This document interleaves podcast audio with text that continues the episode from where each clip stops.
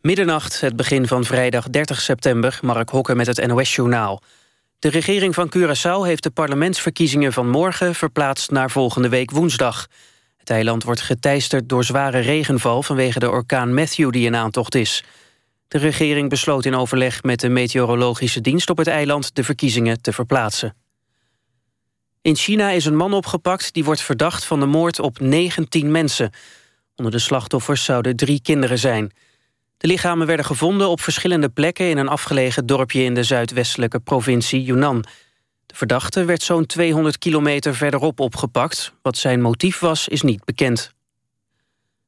De gemeente Dronten is slachtoffer geworden van een aanval met ransomware. Daarbij worden schadelijke programma's op computers geplaatst... die de aanvallers er pas na betaling van afhalen. Omroep Flevoland meldt dat de gemeente meteen alle systemen heeft platgelegd... toen de aanval werd opgemerkt... Een woordvoerder zegt dat er geen aanwijzingen zijn dat er informatie is gestolen. Wel zijn er enkele bestanden verloren gegaan. Oliebedrijven profiteren van het akkoord van olieproducerende landen. Sinds bekend werd dat er een akkoord op handen was... steeg de olieprijs met ruim 7% tot meer dan 49 euro per vat. Door de hogere olieprijs zijn ook de aandelen olie gestegen. Op de Amsterdamse beurs was het fonds van Shell de grootste stijger... met bijna 6 in de groepsfase van de Europa League hebben Feyenoord en AZ verloren. Feyenoord verloor in Turkije van Fenerbahce met 1-0. AZ was kansloos bij Zenit Sint-Petersburg. Het werd 5-0. De Russen maakten in de tweede helft vier doelpunten. Eerder op de avond wist Ajax wel te winnen. In Amsterdam werd het 1-0 tegen Standaard Luik. Het weer op steeds meer plaatsen droog en het blijft zacht rond de 19 graden. Overdag houden de wolken aan, maar schijnt ook af en toe de zon. Er valt een enkele bui en het wordt zo'n 17 graden. In het weekend blijft het wisselvallig, met vooral op zaterdag veel buien. Na het weekend droog en warmer. Dit was het NOS Journaal. NPO Radio 1. VPRO. Nooit meer slapen.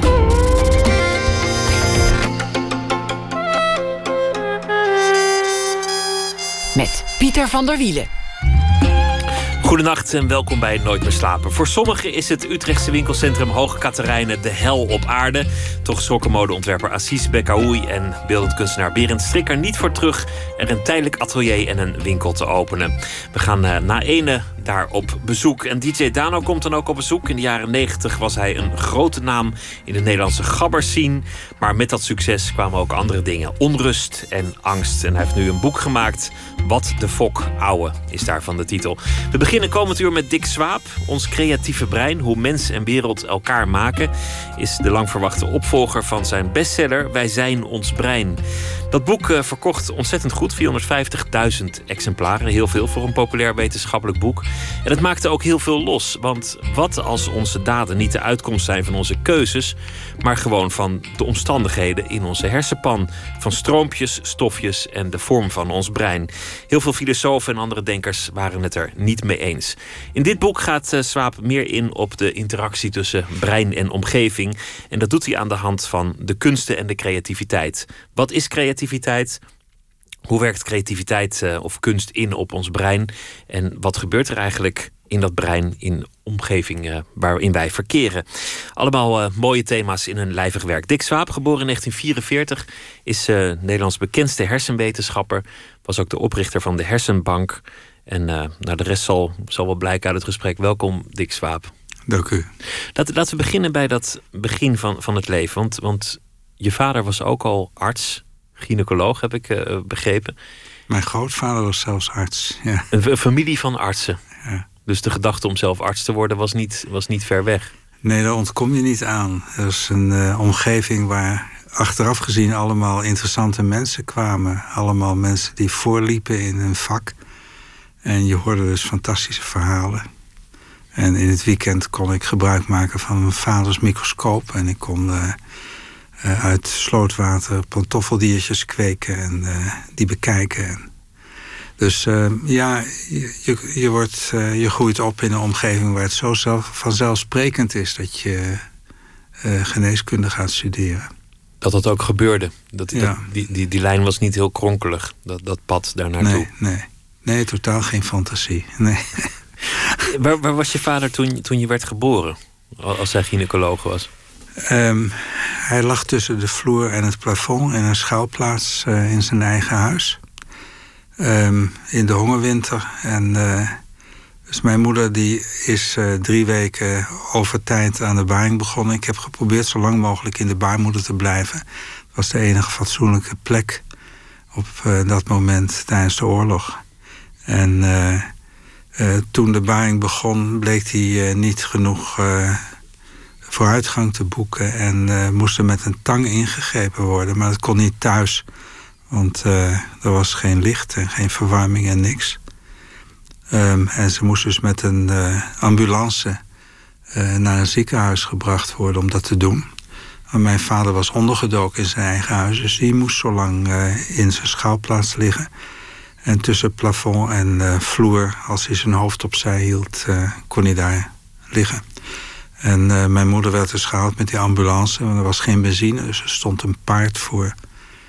En dat paard dat, uh, was het paard van een beschuitfirma... die gewend was om voor iedere kruidenier te stoppen. En dat deed hij ook met de ambulance. Dus het was een lange tocht. En toen is ze uh, van mij bevallen en meteen wilde ze weer naar huis... omdat mijn vader in die schouwplaats lag. En ze is met een boterham thuisgekomen. Dat kreeg iedereen die in de hongerwinter beviel... kreeg een, uh, een boterham mee ja. En die heeft ze, heeft ze gegeven aan, aan je vader? Ja. Want je moeder werd zelf niet uh, gezocht en vervolgd. Je, je, nee, je vader moest was van protestantse afkomst en mijn vader was van Joodse afkomst. Ja. Wat een begin van een leven. Een, een vader die ondergedoken zit, een, een, uh, een oorlogsomstandigheid en dan, en dan is dat pas het begin van je leven. Hoe heeft dat doorgewerkt in je jeugd? Hoe aanwezig was die oorlog nog? Nou, zeer. Was het gesprek van de dag toch wie er teruggekomen was en wie er vermoord was en waar en wat er gebeurd was met mensen. Dat, uh, niet dat mijn vader daarover sprak, want uh, die wilde daar niet over spreken. Verdringen is een goed mechanisme, zei hij altijd. En dat was voor hem blijkbaar zo. En als mijn vader het niet hoorde, kon je aan mijn moeder uh, vragen stellen over die periode. Maar er waren natuurlijk genoeg mensen die langskwamen en erover spraken. Was er veel verdriet in de, in de familie? Um, ja, dat, dat moet wel. Alleen als kind merk je dat niet zo. Je merkt niet dat het anders is dan anders, want dit is je familie.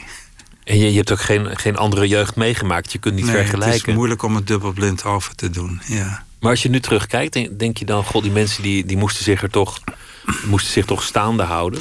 Ja, zeker bij mijn grootmoeder. Uh, denk ik achteraf, die was uh, zo streng en uh, humorloos. Omdat ze natuurlijk uh, zoon had verloren met diens familie. En het moet vreselijk zijn als je je kind verliest. Het kan niet anders. Je vader heeft zich verstopt in, in, de, in zijn eigen huis en zo ook de, de oorlog overleefd. Eerst heeft hij andere dingen ondernomen. En een van de verhalen is dat hij zelfs heeft geprobeerd om, om via anatomisch onderzoek onder vervolging uit te komen? Um, ja, dat, het was in, in het begin um, waren er allemaal uitzonderingen mogelijk voor deportatie. En uh, uh, een van de dingen was dat men kon bewijzen dat men niet joods was door schedelmetingen. Er werd gebruik gemaakt van de uh, semi-wetenschappelijke opvattingen van de Duitsers. Uh, en dat werd uitgebuit door een paar mensen, uh, zoals uh, de eerste directeur van het Herseninstituut. Ernst Kappers, en Arie de Vroe, die later ook hoogleraar werd. En die hebben bij honderden mensen schedelmetingen gedaan en kwamen dan tot de conclusie dat iemand geen Jood was op basis van flauwekulmetingen. En dat heeft een tijdje gewerkt en dat gaf mensen de kans om onder te duiken. En zo heeft hij ook zijn schedel laten meten en om, om aan te tonen: je hebt de verkeerde, want ik, ik voldoe niet aan jullie kwalificaties. Ja, ja. Hij was een. Uh, het, de conclusie luidde dat hij een goed proportioneerde Zuid-Ariër was. En dat, uh, dat riep hij zo nu en dan. ja. Achteraf ook, ook wel komisch als het niet zo wrang was. Ja, precies. De, ja, ja, de werkelijkheid. Ja. Maar het was, in feite was dat uh, dus een eerste uh, relatie met het herseninstituut, met CUA en Kappers. Een herseninstituut dat zo belangrijk zou, zou worden in, in je latere leven. Wat, wat was je voor jongen? Um, rustig, denk ik. Niks bijzonders. Niet, niet uh, ijverig, dwars, slim, eigenwijs. Nou, ik, ik, denk niet dat er veel bijzonders aan te merken was. Ik weet het niet. Dat zou je aan anderen moeten vragen. Hoe, hoe, hoe, ben je in de, in de hersenwetenschap terechtgekomen? Want, want het is een vakgebied dat, dat in de duur van dat leven een reusachtige ontwikkeling heeft doorgemaakt. Het heette toen nog, waarschijnlijk toen je ging studeren, het mysterieuze orgaan. Er was eigenlijk maar heel weinig bekend vergeleken met nu van, van hoe dat brein werkt. Ja, ik kwam er bij toeval in. Net zoals het. Uh, je kunt afvragen waarom deze spermatozoon aanleiding heeft gegeven tot mij. Het leven is één grote toeval. En ik uh, studeerde geneeskunde en uh, ik was dus in aanraking gekomen met alle mogelijke concepten door de gesprekken rond mijn vader. En ik merkte dat in die studie je eigenlijk weinig leerde over de basis voor die concepten. En dat is het experimentele werk. En uh, ik kwam uh, uh, met mijn kandidaat, dat was na drie jaar, ook op een leeftijd dat je onafhankelijk wil worden. En dat je je eigen geld wil verdienen. En ik wilde dat als studentassistent doen, maar dan wel op een plaats waar ik kon leren van experimenteel werk. En er waren twee plaatsen waar dat kon. Dat was farmacologie en het herseninstituut. En omdat ik niet precies wist welke richting ik op wilde gaan, uh, koos ik in feite voor de farmacologie. Maar het herseninstituut had eerder een plek voor een uh, studentassistent. En zo is het begonnen. Anders was je nu farmacoloog geworden. Ja, maar farmacologen hebben natuurlijk ook uh, een nauwe relatie tot hersenfuncties. Inmiddels wel, ja. ja, ja. In die tijd werden, werden de hersenwetenschappers ook nog een beetje met, met afreizen bekeken. Het, het, werd eng gevonden om, om te veel naar dat brein te kijken. Omdat, ja, er was een kleine groep hersenonderzoekers en die werd uh, bekeken met argusogen. Omdat ze zeiden dat wij wilden manipuleren. Maar we hadden helemaal geen idee hoe je zou moeten manipuleren. We waren gewoon geïnteresseerd in uh, de werking van het brein. er viel niks te manipuleren, maar, maar, maar toch was er die angst. Waar, waar kwam dat eigenlijk vandaan? Dat mensen daar zo bang voor waren? Nou, ik denk uit de geschiedenis van het hersenonderzoek, waarbij er natuurlijk operaties gedaan zijn als uh, uh, de doorsnijdingen van de banen van, de, van het voorste deel van de hersenen, de lobectomieën, uh, die ja, afgrijzelijk zijn geweest. En op een of andere manier werden onderzoekers daarop aangekeken, hoewel we er niks mee te maken hadden en het lang geleden gebeurd was. Maar voor de meeste mensen was hersenonderzoek was het maken van die lesies in het brein om mensen te veranderen, om, tot, om ze tot ander gedrag te, te bewegen. Ja. Dat is ook het verschil met, met een onderzoeker van, van hart, lever of, of, of darmen. Dat het gaat meteen ook over gedrag, over iemands identiteit, over je karakter, over je, je zijn, over allemaal dingen die we liever niet als iets fysieks willen zien. Ja, daarom wij zijn ons brein. Wij zijn uiteindelijk maar gewoon dat, dat bolletje ja. en wat erin zit. Ja. En uh, natuurlijk, het lichaam is belangrijk om het uh, brein voor te bewegen en van zuurstof te voorzien. En uh, om meer breinen te maken. Maar uiteindelijk, als persoon ben je je brein. Wanneer, wanneer ging het je echt fascineren? Want, want je kwam er min of meer bij toeval in terecht in de hersenwetenschappen. Het had ook farmacologie kunnen worden. Wanneer begon het te dagen dat dit over hele wezenlijke dingen gaat? Dat dit misschien wel het belangrijkste orgaan is dat we hebben? Ja, het is een geleidelijk proces. Ik was natuurlijk meteen gefascineerd door uh, het onderwerp waarmee ik bezig was. En dat was ook vrij nieuw in die tijd. Dat was de hormoonproductie door hersencellen.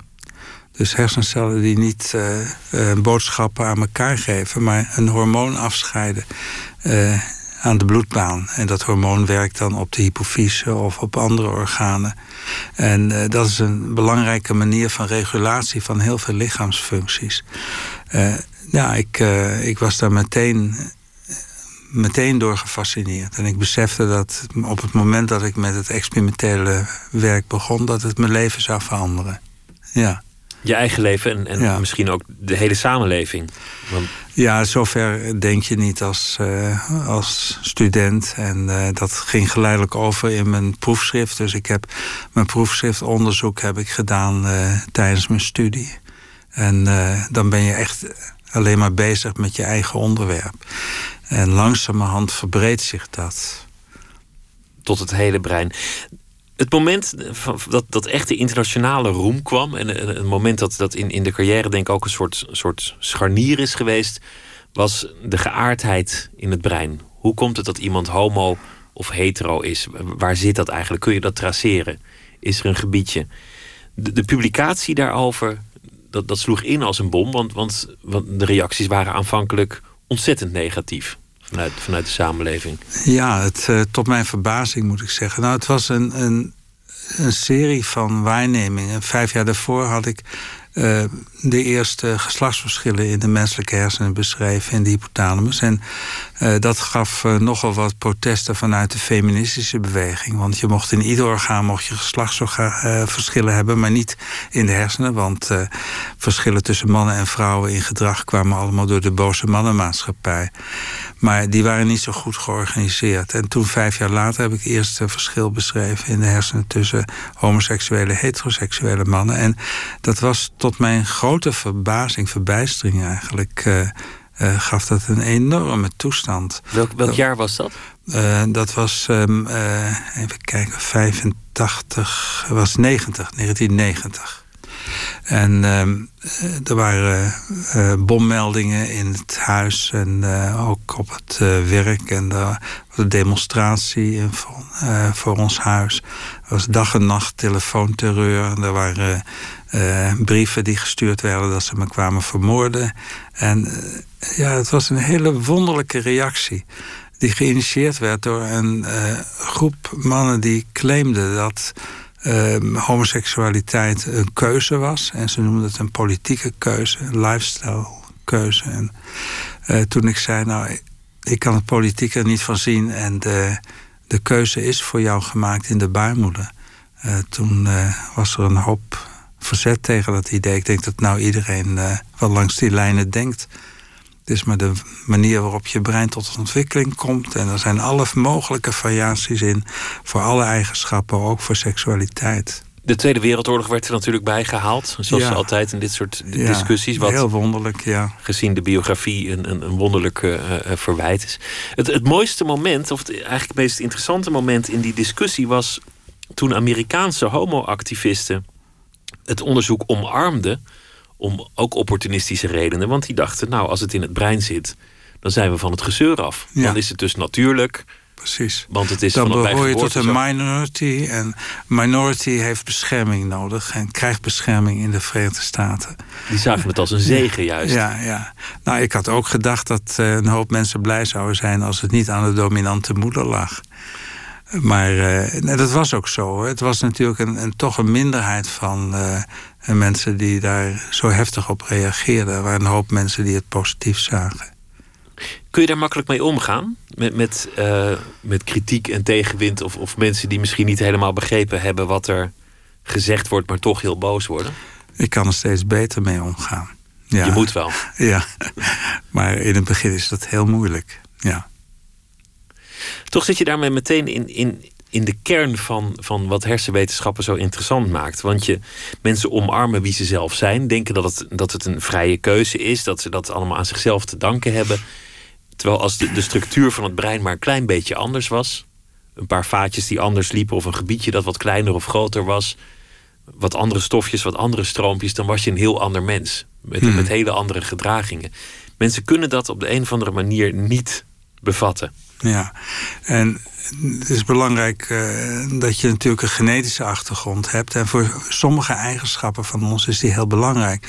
Als je kijkt naar het IQ, dan is dat, uh, als je het in volwassenheid meet, is het voor zo'n 86 procent uh, genetisch. Dus het is heel belangrijk om je ouders uit te kiezen. Maar er zijn ook eigenschappen die tot stand komen uh, door een mechanisme wat we zelforganisatie noemen. Dat zijn het zoeken van de juiste contacten in de hersenen tijdens de ontwikkeling. En daardoor wordt ieder brein anders. En uh, dat wil ook zeggen dat je uh, ja, dat niet van tevoren kan sturen. Op geen enkele manier weet wat eruit komt. Het is in feite een tombola. En je moet maar zien dat je de rest van je leven met dat brein op een prettige manier doorkomt. Mensen willen graag geloven, en dat, dat is ook een, een, een, maatschappelijk ideaal, dat het leven maakbaar is. Dat, dat we zelf de keuze hebben. Dat, dat de omgeving belangrijk is, waardoor je mensen kunt veranderen, mensen betere omstandigheden kunt geven. Ja, dat is de droom van de jaren 60, 70. Als je best maar doet, dan kan iedereen naar de universiteit. Je kunt alles worden als je best maar doet. Nou, dat, uh, dat is niet zo. Mensen worden uh, geboren juist door die zelforganisatie. Uh, met heel verschillende hersenen. En dat geeft mogelijkheden, maar geeft ook beperkingen. Dus een dubbeltje zal nooit een kwartje worden? Nee, en dat wil ook zeggen dat we moeten accepteren dat er altijd mensen zijn die de pech hebben gehad. dat of de zaadcel of, het, of de eicel getroffen is door een deeltje uit het universum en dat er een mutatie is opgetreden en dat ze uh, daardoor um, een geestelijke achterstand hebben opgelopen. En dat kan in ieder gezin gebeuren. En hetzelfde geldt voor uh, zeggen de variaties die aanleiding geven in extremo tot psychiatrische problemen. Uh, dat kan in ieder gezin gebeuren en dat uh, moet je accepteren als de consequentie van de variaties. Variaties waren de, de motor van de evolutie. Die variatie is er nog steeds. Maar, maar, die, die maakbaarheid, dat, dat is eigenlijk de, de basis van onze samenleving al sinds de Renaissance. Sinds niet meer alles de wil van God is, is het leven maakbaar. Kunnen we zelf ons pad kiezen, de, de samenleving vormen. Kunnen we, kunnen we elkaar verheffen en opvoeden. En, en nu eigenlijk door de hersenwetenschap is die vrijheid ons weer afgenomen. Was het een illusie? Um, ja, maar het wil niet zeggen dat we ons niet kunnen ontwikkelen natuurlijk. Want we hebben de bijzondere eigenschap dat uh, we datgene wat we gevonden en ontwikkeld hebben... kunnen neerleggen op zo'n manier dat de volgende generatie dat als startpunt kan gebruiken. En zo kun je dus uh, steeds uh, ontwikkelen en sneller ontwikkelen door de technieken die erbij gekomen zijn. Het feit dat uh, ook de, de samenwerking steeds uitgebreider wordt, internationaler wordt, ook de competitie. Het leidt allemaal tot een snellere ontwikkeling. Het wil niet zeggen dat je uh, zeg kan kiezen voor bepaalde dingen. Uh, je, je hebt je beperkingen en eh, je moet zien dat je in een beroep terechtkomt waar je met plezier werkt, wat aangepast is aan de manier waarop je brein tot ontwikkeling is gekomen. Het brein is een gegeven, een beperking zou je kunnen zeggen. Misschien ook juist. Ja, maar ook de mogelijkheden. Ook een mogelijkheid. Ja, ja. Dit, dit, boek, Ons Creatieve Brein, gaat heel erg over de mens in de omgeving. De, de invalshoek, dat, dat zijn de, de kunsten, de muziek en, en andere creatieve uitingen. Maar eigenlijk gaat het permanent over de creatieve vaardigheid van het brein. Wat is creativiteit? Maar ook hoe werkt die omgeving in op ons brein en andersom. Mhm. De kritiek op Wij zijn ons brein was dat het te veel ging over de hersenen en te weinig over de, de, de samenleving. Dit is eigenlijk een boek dat veel meer gaat over de samenleving. Ja, en dan zullen mensen zeggen: uh, Je hebt naar mij geluisterd. Ja, maar dat is niet zo.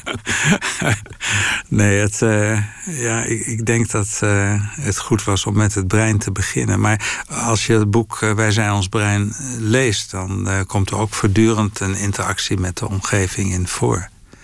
Maar de titel op zich heeft geleid tot het idee dat alles vastgelegd zou zijn in het brein. En zo. Mensen hebben een karikatuur van het boek gemaakt. Ja, ja. Ik zeg vaak, ze zijn niet verder gekomen dan de titel. Um, maar dat mag ik niet te vaak zeggen. laten, we, laten we gaan luisteren naar uh, Berend Dubbe, die uh, muziek maakte onder de naam Bauer. Hij is volgende week te gast in dit programma. En we gaan luisteren naar een nummer van zijn nieuwe album en dat heet My Room, My House.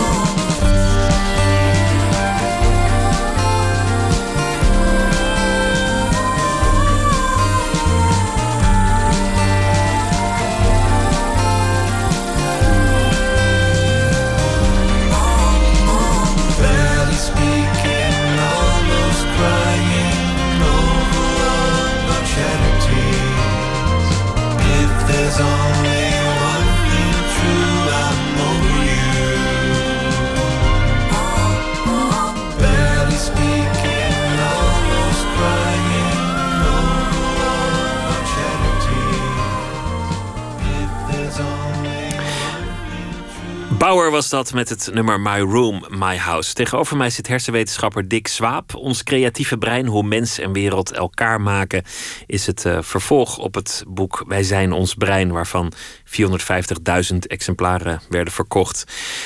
Iemand die zelf uh, uh, geen blije herinneringen heeft aan de pianolessen in, in de jeugd. Iemand die zelf ook niet echt houdt van dansen. Die geen voorkeur heeft voor abstracte kunst, liever uh, iets realistisch. Maar zoals uit het hele boek blijft, blijkt wel degelijk iemand met een enorme liefde en fascinatie voor alle vormen van kunst en creativiteit. Ja, je noemt een paar afwijkingen van mij. Ja, de... ja. nou ja de, de, biografische afwijkingen die, die, ja, ja. die toch in, in het oog springen. Ja. Creativiteit is, is een, mooi onderwerp voor een hersenwetenschapper, want het gaat over twee vragen. Ten eerste, hoe, hoe werkt dat brein? Hoe kan het dat je ineens op ideeën komt die, die groter kunnen zijn dan jezelf? En aan de andere kant, hoe komt het dat we het ene zo ontzettend mooi vinden en het ander ons totaal niet interesseert? En zit dat dan ook in die structuren van het brein? Is daar werkelijk achter te komen? Wat een muziekstuk mooi maakt, wat, wat een schilderij prachtig maakt en het andere juist een beetje futiel? Ja, er is uh, achter te komen met uh, moderne onderzoekstechnieken. Maar dan moet je wel bij bedenken dat het uh, individueel sterk afhankelijk is. Dus dat je voor iedereen weer andere dingen zal gaan vinden. Er zijn gemeenschappelijke zaken, maar er zijn ook heel veel verschillen tussen mensen wat betreft het mooi vinden van kunst en geïnteresseerd zijn in bepaalde aspecten van kunst of juist niet. Um, dus je kunt uh, zien dat uh, um, als je iets mooi vindt, dat dan het belonend uh, centrum van de hersenen gestimuleerd wordt. Dat wil zeggen dat er dopamine wordt afgegeven in de nucleus accumbens. En dat kun je gebruiken als een maat voor vindt hij iets mooi of vindt hij iets niet mooi. Zoals vindt hij iets lelijk is de amygdala wordt sterk ge, gestimuleerd. Ja. Zoals heel veel gedrag door dat beloningssysteem wordt, wordt gestuurd. Ja, het is begonnen natuurlijk in de evolutie met de twee aspecten die belangrijk zijn voor het overleven van de soort en van het individu. Uh, voedsel, je, je vindt het uh, prettig om te eten, lekker. En uh, seks, dat zijn de twee dingen die gekoppeld zijn aan het beloningssysteem oorspronkelijk. En dat is groot succes geworden. Met uh, hoeveel is het nou? 9 miljard mensen of zo. Die voor een groot deel te vet zijn op deze wereld. Omdat dat beloningssysteem elke keer dat je eet of, of uh, uh, seks bedrijft, zegt: lekker ga door, dit is goed ja. voor jou en voor je soort. Ja. En nou ja, het is niet, niet dat je denkt van ik ga mij voorplanten, maar het is lekker om seks te hebben. En hetzelfde geldt voor het voedsel. Je denkt niet ik moet in leven blijven, maar je vindt het gewoon lekker om te eten. En, uh, dus die koppeling is, is heel efficiënt. Maar die koppeling die, uh, geldt voor alle dingen die we leuk en lekker en mooi en interessant vinden. En uh, dan komt er dus dopamine vrij in de nucleus accumbens. En dat gaat ook gepaard met de stimulatie van, van systemen die belangrijk zijn voor emoties. Um, dus als je kijkt naar muziek, wat dat uh, voor gebieden in de hersenen stimuleert, dan is het afhankelijk van de muziek heel veel. Uh, je kunt moeilijk je voeten stilhouden, dus ook de motorische schors wordt uh, gestimuleerd. Maar als je marsmuziek hoort, dan wordt de hersenstam gestimuleerd. En dan gaat de ademhaling omhoog en dan gaat de bloeddruk omhoog en de hartslag. En dan word je klaargestoomd om te vechten. En dat is gebruikt natuurlijk met al die marsmuziek die voorop ging in de strijd. Mensen krijgen bepaalde reacties, stemmingen door muziek. Je zou zeggen dat is juist cultureel bepaald. Daar is niks aangeboren aan. Dat is helemaal niet de toevallige uh, structuur van je brein die je bij je geboorte hebt meegekregen. Je, zou juist zeggen dat komt van je opvoeding, het land waarin je opvoed, uh, opgevoed bent, de, het onderwijs dat je genoten hebt. Ja, de, voor de, de muziek die je mooi vindt, is de adolescentie heel belangrijk. Je ziet dat iedere generatie zich weer afzet tegen de vorige generatie en andere muziek mooi vindt. Dus juist die periode, als je veel muziek hoort in die periode, dan is dat de muziek die de rest van je leven blijft aanspreken. Maar er is natuurlijk ook uh, muziek die uh, toch een soort van eeuwigheidswaarde heeft, zoals uh, klassieke muziek, een aantal dingen in de klassieke muziek.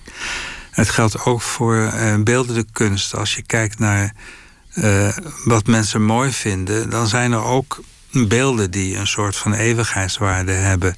En als je dan die beelden ehm, als, als foto gaat manipuleren, dus je maakt de benen wat langer of korter, of je maakt het, uh, het lijf wat langer of korter, dan blijkt dat een kleine verandering in die proporties, dat het al leidt tot minder mooi vinden. Dus uh, daar zit dan een algemeen aspect bij wat iedereen mooi vindt. Uh, daarbovenop zijn er dingen die men individueel heel belangrijk en mooi vindt. En, en dat kan sterk wisselen. Ja, ja. Wat in dit boek sterk naar voren komt, en, en ook wel in zekere mate al in het vorige boek, maar in dit boek wat meer, is dat weliswaar de structuur van je brein vast ligt bij geboorte, maar dat er daarna nog heel veel te variëren valt. De, de, de omgeving heeft een reusachtige invloed, permanent, ook op de structuur van ons brein. Die, die verandert met onze biografie, met ons leven. Ja, maar um, in beperkte mate. We leren voortdurend. Er zijn nogal psychologen die het hebben over de enorme plasticiteit van de hersenen. Maar ik zeg altijd, als, als de hersenen zo plastisch zijn als jullie vertellen, dan zou de neurologie niet bestaan. Dan zou iedere uh, lesie in de hersenen zou gerepareerd worden. En dat is niet zo. Dus die plasticiteit is beperkt.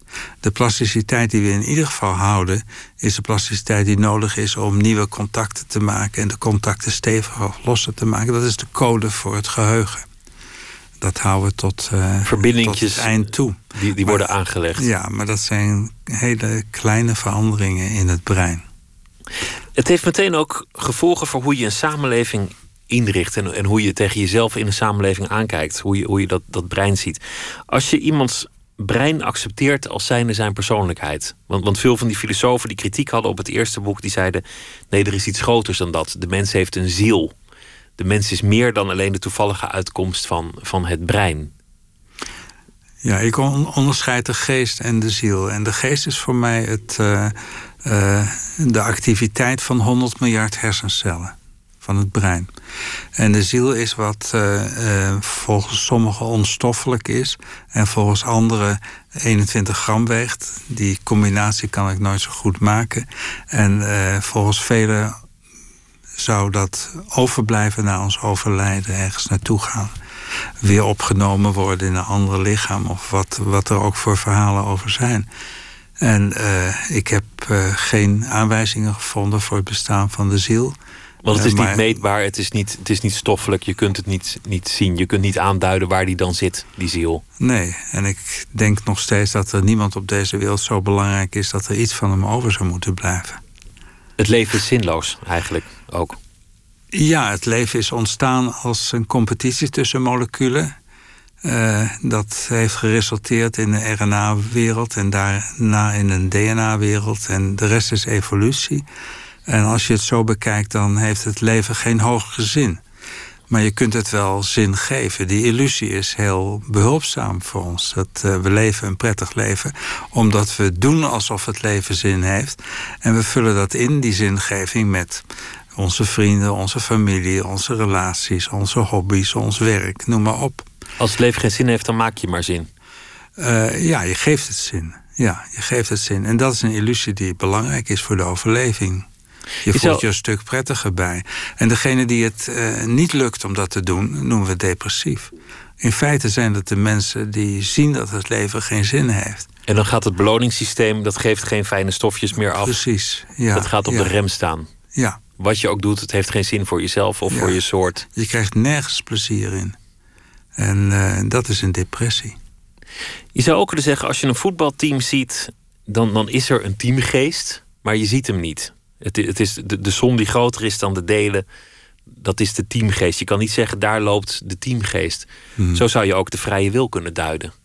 Je kunt niet aanwijzen waar die in het brein zit, maar je kunt wel degelijk ervan spreken dat die bestaat als som van de delen van je hersenen. Nou, volgens mij is dat ook een illusie, die vrije wil. Als je kijkt hoe beslissingen tot stand komen, uh, en uh, daar zijn nogal wat experimenten over gedaan nu, uh, dan is de rechterhelft van de hersenen neemt onbewust een beslissing. En de linkerhelft van de hersenen maakt tussen een halve seconde en een acht seconden later daar een verhaaltje bij. En het verhaaltje lijkt te kloppen. Ik heb het om die en die reden besloten, maar het hoeft helemaal niet te kloppen. En iedere rechter weet ook dat je uit fragmenten die je ziet, een verhaaltje maakt. Uh, de gebeurtenis reconstrueert. En dat verhaaltje lijkt logisch, maar dat hoef je niet te vertrouwen. Jouw brein heeft het besluit al genomen, de beweging is al in gang gezet. En dan pas maak je er zelf een verhaal bij waarom je zo graag dat wil doen dat je doet. Ja, en dat brein heeft het besloten op basis van uh, alles wat je mee hebt gemaakt. Die informatie wordt meegenomen. Maar het is een beslissing die onbewust gebeurt. En uh, dus afhankelijk is van wat je hebt meegemaakt, maar ook van de structuur van je brein. De vroege ontwikkeling die je hebt doorgemaakt, et cetera.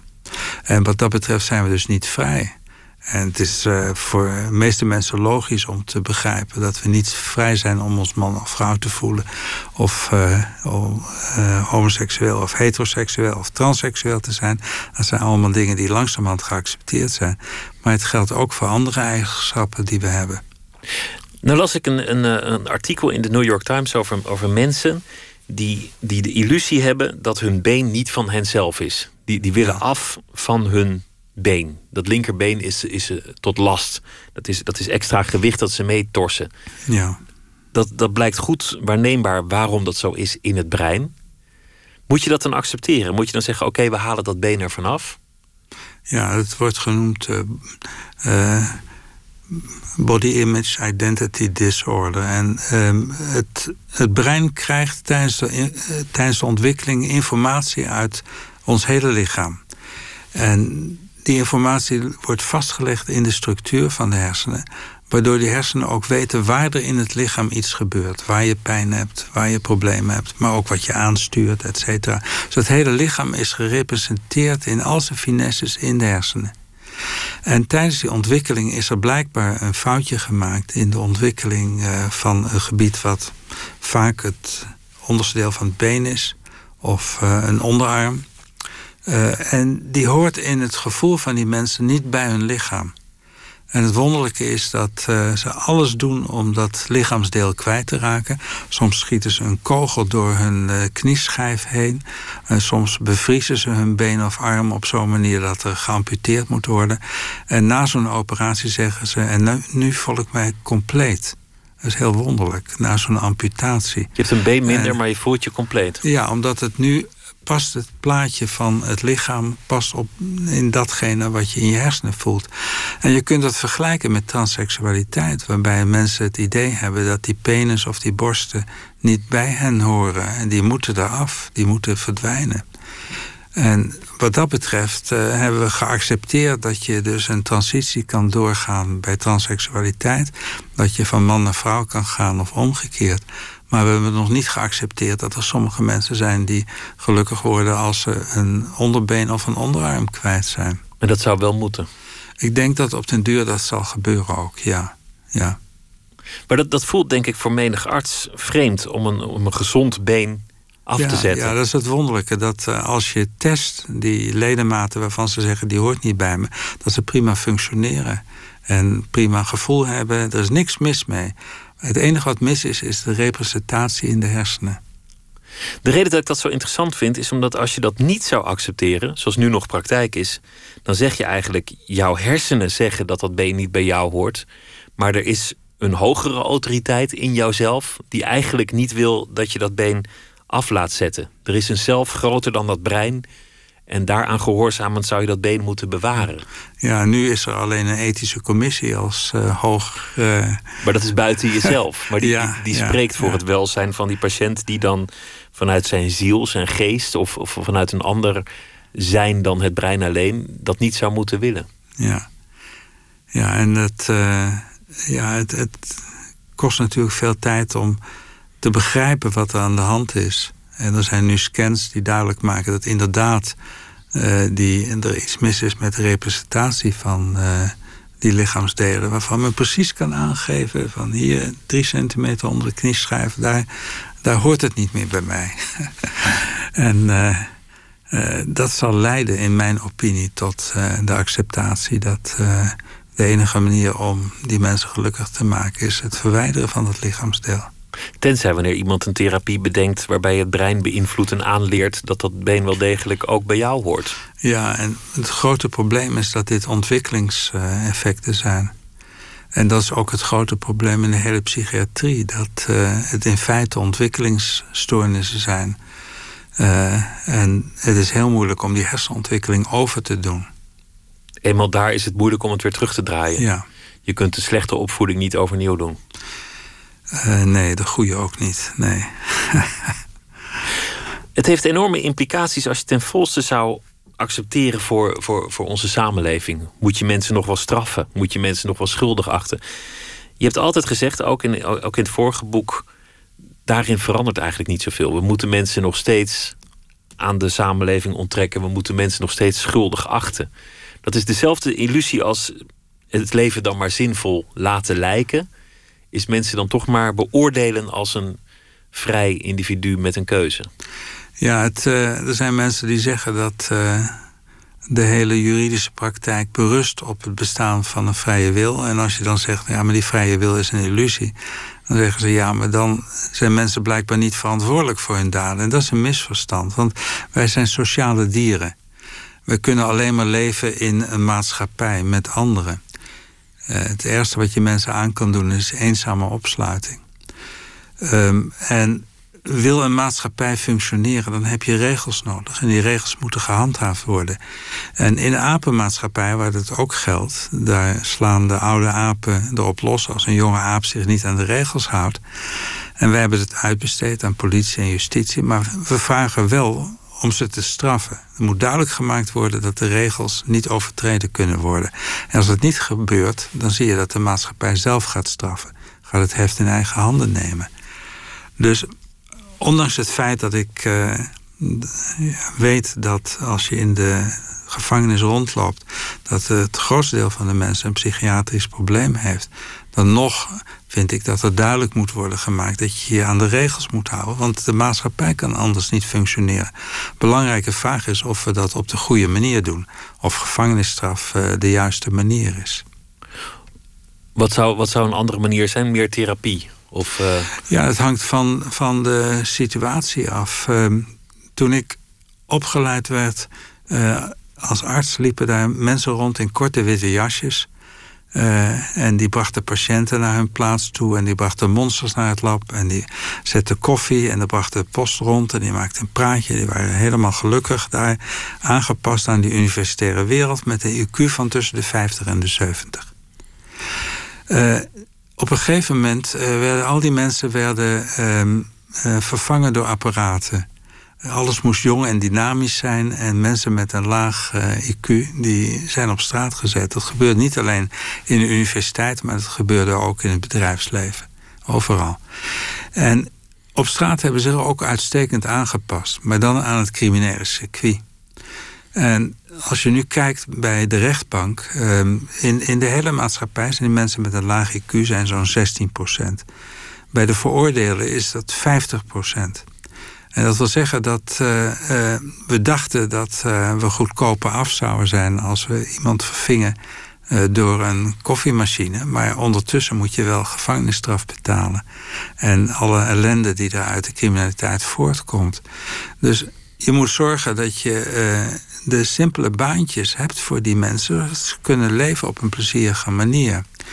En zo kun je voor iedere groep kun je dingen voorstellen die uh, een hoop kunnen veranderen aan de maatschappij op basis van, van kennis van zaken. Dus je aanvaardt de conditie van het brein, je aanvaardt dat iemand zo is als die is, maar dan, dan richt je de samenleving anders in zodat hij minder, minder uh, snel crimineel zal worden. Ja, als je bij Sint-Hubertus koffie drinkt, dan uh, uh, word je bediend door een groepje mentaal geretardeerden onder leiding van één persoon. Uh, die zorgen dat je krijgt wat je hebben wil en die een, ja, een zinvol bestaan hebben daar. Zo goed als ook uit, uit veel onderzoek blijkt dat, dat pedofilie een, een geaardheid is, dat het ook in het brein zit. Je zou dus op een andere manier kunnen voorkomen dat die mensen kinderen lastigvallen dan alleen uh, uh, gevangenisstraf. Je, je, zou ze met therapieën of met, met andere manieren ook ja, kunnen het, behoeden. Het probleem is dat je ziet dat uh, psychologische therapieën die daarvoor gebruikt zijn en die nu in meta-analyses bekeken zijn, dat die eigenlijk niks hebben opgeleverd. Wat wel belangrijk is, is als iemand de fout is ingegaan en hij komt terug in de maatschappij, om dan te doen wat begonnen is in Canada. Het, het, slechtste wat je kan doen is wat de burgemeester van Eindhoven heeft gedaan: een gebiedsverbod voor iemand die terugkwam uit de gevangenis. En toen kon hij ook niet terecht in een dorp waar hij eerst terecht kon. En die man heeft geleefd in zijn auto. Die ging van parkeerplaats naar parkeerplaats. En na twee jaar is hij in herhaling gekomen. En isolatie is het slechtste wat je kan doen. En in Canada is het tegenovergestelde gebeurd. Mensen hebben. Uh, een, een, cirkel van vrijwilligers gevormd om iemand die uit de gevangenis kwam. En ze deden hele simpele dingen met ze: boodschappen, een keer naar de bios, een praatje maken. En op het moment dat de impulsen heel sterk werden, dan hadden ze iemand om mee te praten. En dat gaf een recidiefvermindering van 75 procent. Want ons brein is sociaal aangelegd. Ons brein is constant bezig met de groep, niet met het individu. Ja, het uh, sociale is buitengewoon belangrijk. En uh, dit wordt op dit moment ook uh, uitgerold in, in Nederland en heeft ook goede resultaten. Dus je kunt veel meer doen dan, dan er gebeurt. Een loopbaan in de hersenwetenschappen, in, in een periode waarin die hersenwetenschappen echt, echt furoren maakten, met sprongen vooruit gingen. Um, en dan ook echt in Nederland in het centrum van al het onderzoek staan. Waar ben je het meest trots op? Nou, waar ik zeker geen spijt van heb, is uh, het starten van de Nederlandse Hersenbank. Dat is een uh, hele goede organisatie geworden. Een plek waar, waar gewoon breinen geconserveerd liggen en onderzoekers daar altijd. Ja, we hebben sinds 85, toen ik begonnen ben, uh, hebben we zo'n 4000 snelle obducties gedaan. Dat wil zeggen kort na het overlijden. En van ieder brein worden zo'n 80 stukjes, tegenwoordig uh, al een paar honderd stukjes uitgeprepareerd. En uh, die gaan over de hele wereld heen. We uh, hebben aan, aan zo'n 750 onderzoeksgroepen in 25 landen hebben materiaal geleverd. En dat is heel goed gedocumenteerd materiaal. Dus we weten um, van de klinische geschiedenis, de details, ook wat voor geneesmiddelen dat mensen hebben gebruikt. Uh, en uh, wat hun levensgeschiedenis was. En dat wordt allemaal uh, meegegeven aan de onderzoekers. Dus dat is ook de neuropathologie is goed bekeken. Dus bij ieder brein wordt gekeken wat voor hersenziektes dat er mogelijk aan de gang zijn. Of de kliniek het bij het juiste eind had, wat in 30% van de gevallen niet zo is. En of de controles echt controles zijn, of dat ziektes als Alzheimer of Parkinson al begonnen zijn. En met die documentatie wordt het materiaal verstuurd. En er zijn heel veel onderzoekers over de hele wereld mee bezig. Dus dat is een, een mooie organisatie geworden waar zo'n uh, meer dan 40 mensen in samenwerken om dat voor elkaar te krijgen, om anderen het onderzoek mogelijk te maken. Zoals bij veel wetenschappers ging, ging, ging het leven voornamelijk over werk. Hele lange dagen, lange weken, vele uren, uh, ja. gemiste verjaardagen de afwezige man uh, bij allerlei familiegelegenheden. Ja. Het, het, werk ging altijd voor. Ja, als je niet slim bent, moet je hard werken, zeg ik altijd. Dat is geen andere keus. Is, is, dat, is dat een gelukkige keuze geweest? Dat is weer geen vrije keuze, denk ik. Je wordt geboren met een drive, een enorme drive om er iets van te maken. En, uh, dus dat is geen kwestie van een vrije keuze. En uh, het, het gaat vaak met, uh, met moeite dat je dingen moet laten schieten, maar andere dingen moeten voorgaan. Dat is ja. een drang, daar ja. moet je aan gehoorzamen. Ja. Je zou jezelf ongeluk aandoen als je, als je dat niet zou gehoorzamen en toch taartpunten zou zitten snijden of, of wat dan ook. Ja, en ik heb wel eens geprobeerd om op het strand te zitten, maar na tien minuten werd ik vreselijk onrustig. En was er weer de drang om, om, weer weg te gaan? En... Ja, dingen door te nemen, te lezen, er moet zoveel gebeuren. En, uh, ja. Lukt het om zelf te leven naar je, naar je eigen inzichten? Als je zegt van nou ja, dat, dat is niet een keuze geweest, dat is een drang. Zo zit mijn brein in elkaar, ik, ik kan niet anders dan gehoorzamen. Lukt het iemand om, om ten volste dat te omarmen? De gedachte dat, dat, er, dat er geen keuze is, dat je, dat je het niet zelf bent, maar dat, dat je brein een soort van op een automatische piloot al nou, de, de, beperking zit aan in het feit dat je toch een sociaal beest bent en dat je ze nu dan moet toegeven aan de dwang van de maatschappij. Ja. Dat voelt als een dwang, die maatschappij. Ja, ja, ja. ook een vriendelijke dwang van de familie en het gezin natuurlijk. Maar ja, er wordt mij vaak verweten dat ik er nooit was. En dan zeg ik tegen de kinderen, daarom ben je zo aardig geworden. Want als, als je er wel was geweest, dan had je niet zulke aardige kinderen gehad. Precies. Ik ken ook mensen die, die, die kwispelend op elk feestje afrennen. Die, die, uh, die niks liever willen dan in een groep sociaal en, ge, en, gezellig zijn. Ja, zo ben ik niet. Dus ik zal wel wat autistische kenmerken hebben. Ik vind het vreselijk. Verjaardag is een ramp. En winkelen is nog erger. Of buiten staan terwijl, terwijl iemand binnen staat te winkelen. Want daar komt het meestal op neer. Ja, ja dat, uh, een enkele keer doe ik dat. Ja, dat is dan het compromis. Ja. Waar gaan ontleent je troost? Um, nou, als ik echt in de problemen zit, dan kan ik het requiem van Mozart opzetten en daar troost uit halen. Ja. En dat is weer heel individueel, want mijn vader die begon te dementeren en uh, mijn zus en ik gaven hem zo nu aan muziek. Hij was weer helemaal terug in, in zijn jeugd met alle muziek. En ik had hem ook het rekening van Mozart gegeven. En de volgende dag uh, riep hij naar me: Neem dit mee, ik wil het nooit meer horen, ik word er doodziek van. Terwijl het mij juist troost geeft. Het is ook geschreven om troost uh, te geven, natuurlijk. Het is een requiem. Het was ook bedoeld als een aardig en lief gebaar om, om hem troost te geven. Ja, ja. Zijn ziekbed. Ja, ja, maar dat lukte niet. Nee. Dus uh, ja, wat je mooi vindt, is zo individueel dan de periode waarin, waarin de hersenwetenschappen nu, nu zitten. Zijn de grootste ontdekkingen nu gedaan of, of komt het grootste er nog aan in de komende jaren? Nee, ik denk dat het zich nog heel snel zal ontwikkelen. Zeggen, de technische vooruitgang is, is heel groot. Er wordt uh, ook enorm geïnvesteerd. Uh, niet alleen in de westerse wereld, maar ook in China. En uh, het onderzoek zal de komende decennia nog met sprongen vooruit gaan. Het is jammer dat ik het niet meer meemaak op een gegeven moment. En wat, wat voor sprongen moet je dan aan denken? Um, nou, laat ik een, een, voorbeeld geven dat het uh, nu mogelijk begint te worden of iemand denkt aan de letter T of de letter U. Dus het uh, begin van gedachtenlezen komt eraan. En dat geeft mogelijkheden. Uh, als je gehandicapt bent, als je een lesie hebt in de hersenstam en niks kan vertellen maar het geeft natuurlijk ook weer angsten voor uh, datgene wat je ermee kan doen.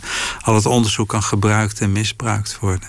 Dat je een nieuwe verhoortechniek krijgt waarbij je niet eens een vraag hoeft te stellen, maar de, de, de Gestapo van de toekomst gewoon een kap op je hoofd zet. Ja, ja dat kun je je voorstellen. En net zoals uh, zeg, het mogelijk is om op basis van scanning. Uh, waarbij plaatjes getoond worden van mannen, vrouwen en kinderen verschillende leeftijden. te zeggen met een behoorlijke kans van zekerheid. Jij bent heteroseksueel, je bent homoseksueel, jij bent pedofiel. Je valt, vooral op jongens of meisjes. Terwijl de meeste pedofielen nooit aan een kind zullen komen. Die weten zich te beheersen. Dus dan vraag je af als dit soort technieken gebruikt gaat worden. En die discussie komt er zeker de komende tien jaar. Uh, leidt dat tot een beroepsverbod voor mensen om met kinderen te werken. Hoewel ze nooit iets uh, misdaan hebben met kinderen dat, dat je brein al pedofiel is voordat jij ooit met je handjes ergens bent geweest. Precies, ja. ja. Aan de andere kant vraag ik me af of we ooit werkelijk gaan doorgronden. Wat, wat het is om, om, om mens te zijn. Wat, wat iemands gedachten zijn. En, en het grote mysterie van ons bewustzijn. Dat, dat we hier zijn, maar ook weten dat we er zijn. Weten wat het is om, om te leven en, en dingen te ervaren. Of we dat ooit helemaal kunnen verklaren en doorgronden. Of dat het toch altijd een mysterie zal blijven? Helemaal weet ik niet, maar ook aan bewustzijn wordt natuurlijk hard gewerkt. En het is duidelijk welke hersengebieden in, uh, in interactie daarvoor noodzakelijk zijn. En uh, hoe een uh, lesie in de hersenen bijvoorbeeld door een herseninfarct kan leiden tot het gedeeltelijk ontbreken van bewustzijn. Mensen kunnen alles zien, maar ze kunnen zich niet bewust zijn van de linkerkant van het lichaam en de linkerkant van de wereld. Um, al die dingen komen naar boven. En uh, of we alles zullen weten is de grote vraag. Mijn vorige boek, We zijn ons brein, heb ik. Uh, daar zijn de eerste regels van dat we voor de komende generaties twee grote vraagstukken hebben. En dat is het universum en het brein. Dus hoe zit het universum in elkaar en hoe werkt het brein? En ik denk dat het inderdaad generaties door zal gaan Of we ooit alles te weten komen, weet ik ook niet. Dat weet je pas als je alles weet. Maar we zullen veel meer te weten komen. En de beperking van de kennis van het universum zit ook in het brein. Want misschien, misschien uiteindelijk is dat de plek waar we het zullen moeten gaan begrijpen. Ja, maar de, uh, we worden wel geholpen door fantastische apparatuur natuurlijk, die het brein ook weer maakt. Maar dan over generaties heen met grote aantallen mensen wordt de apparatuur steeds beter gemaakt. En uh, dus je hoeft niet simpelweg met je brein het brein te bestuderen. Uh, je hebt apparatuur tot je beschikking die veel meer kan dan je eigen brein. Maar of, of, of een brein zichzelf kan begrijpen, dat, zelfkennis is toch nou, altijd moeilijk? Met behulp van uh, apparatuur, ja. Dick Swaap, dank je wel voor je, voor je komst. Het boek heet Ons creatieve brein, hoe mens en wereld elkaar maken. Hartelijk dank. Geen dank. Zometeen eh, gaan we verder met Nooit meer slapen. Een gesprek met DJ Dano. Hij was een uh, populaire verschijning in de gabberscene van de jaren 90. Zijn biografie is opgetekend. Het boek heet Wat de Fok, ouwe. Hij komt zometeen op bezoek. En Thomas van Aalten heeft een verhaal geschreven bij de voorbije dag. En dat zal hij zometeen uh, voordragen. En verder gaan we praten met Assis Bekaoui en beeldend kunstenaar Berend Strik. Ze hebben gemeen dat ze allebei met stoffen werken. En een tijdelijke winkel hebben geopend in Hoog In Utrecht. Dat allemaal zometeen in Nooit meer slapen. Twitter, het VPRO NMS. We zitten ook op Facebook. En u kunt ons uh, ook terugluisteren via iTunes als podcast. Of via de website van de VPRO, vpro.nl slash Nooit meer slapen.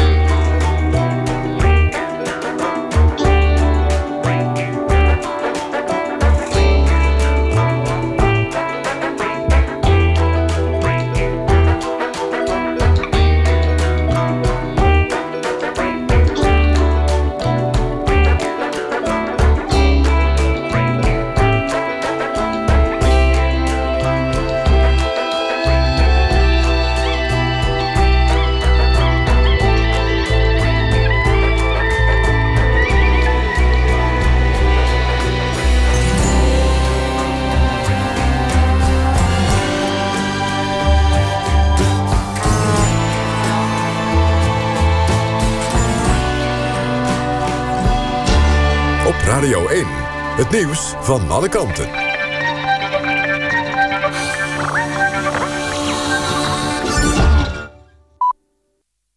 1 uur, Mark Hokke met het NOS-journaal. In de Oekraïense hoofdstad Kiev is de moordpartij van de nazi's bij Babi Yar herdacht. 75 jaar geleden werden daar ruim 30.000 Joden vermoord. Ze waren opgeroepen zich te melden voor deportatie naar een ghetto. In plaats daarvan werden ze naar een ravijn geleid waar ze massaal werden doodgeschoten door SS'ers en hun Oekraïense helpers. De slachting begon op 29 september 1941. In enkele weken tijd werden meer dan 100.000 mensen door de nazi's gedood. De parlementsverkiezingen op Curaçao zijn uitgesteld... vanwege de orkaan Matthew die in aantocht is. Na overleg met de meteorologische dienst... heeft de regering de verkiezingen naar volgende week woensdag verplaatst. De orkaan zou eigenlijk niet bij Curaçao in de buurt komen... maar veranderde van richting. Daarbij is de windsnelheid afgenomen... maar daardoor blijft het langer regenen. Op Aruba is vanwege Matthew het allereerste Koninkrijkstoernooi afgelast. Jongeren uit alle landen van het Koninkrijk der Nederlanden... zouden van 3 tot 6 oktober op het eiland tegen elkaar sporten. De gemeente Dronten is slachtoffer geworden van een cyberaanval... Er is schadelijke software op computers geplaatst... die de aanvallers er pas na betaling van afhalen. De gemeente Dronten heeft geen aanwijzingen dat er informatie is gestolen. Wel zijn enkele bestanden verloren gegaan. Een Rotterdammer van 36 is bij een inbraak zijn pink kwijtgeraakt. De politie vond het lichaamsdeel terug in een kantoorpand... waar de man s'nachts had ingebroken. Gisterochtend kwam de man hevig bloedend thuis. Hij wilde niet zeggen wat er was gebeurd... De politie vond in het kantoorpand eerst bloed en later de vinger. Die zat klem tussen een muur en een kantelraam. De man is in het ziekenhuis aangehouden. Artsen konden de pink niet meer aanzetten. Het weer op de meeste plaatsen droog en zacht, rond de 14 graden. Overdag is het bewolkt met een enkele bui en af en toe schijnt de zon. Het wordt dan zo'n 17 graden. In het weekend blijft het wisselvallig, met vooral op zaterdag veel buien... en na het weekend droog en warmer. Dit was het NOS Journaal. NPO Radio 1. VPRO. Nooit meer slapen.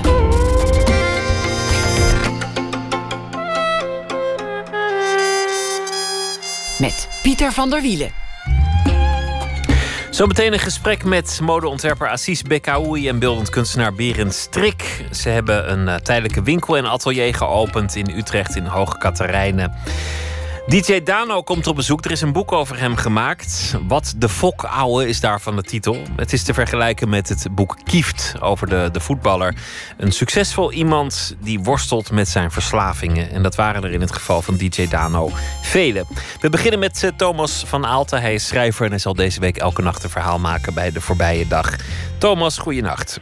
Goeienacht. Weer een dag voorbij. Wat gaan de dagen snel?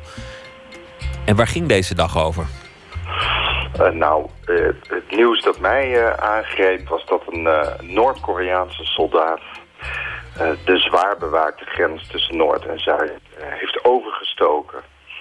En nou, het woord grens impliceert nog dat alsof dat nog een soort wachttorentje is of een, een, hek waar je doorheen moet lopen, een slagboom. Maar dit is gewoon echt, zeg maar, een soort no man's land vol mijnen, vol, weet je, echt een, een, een militaire zone. En dat vind ik, wel, uh, vind ik wel echt fascinerend dat dat is gebeurd.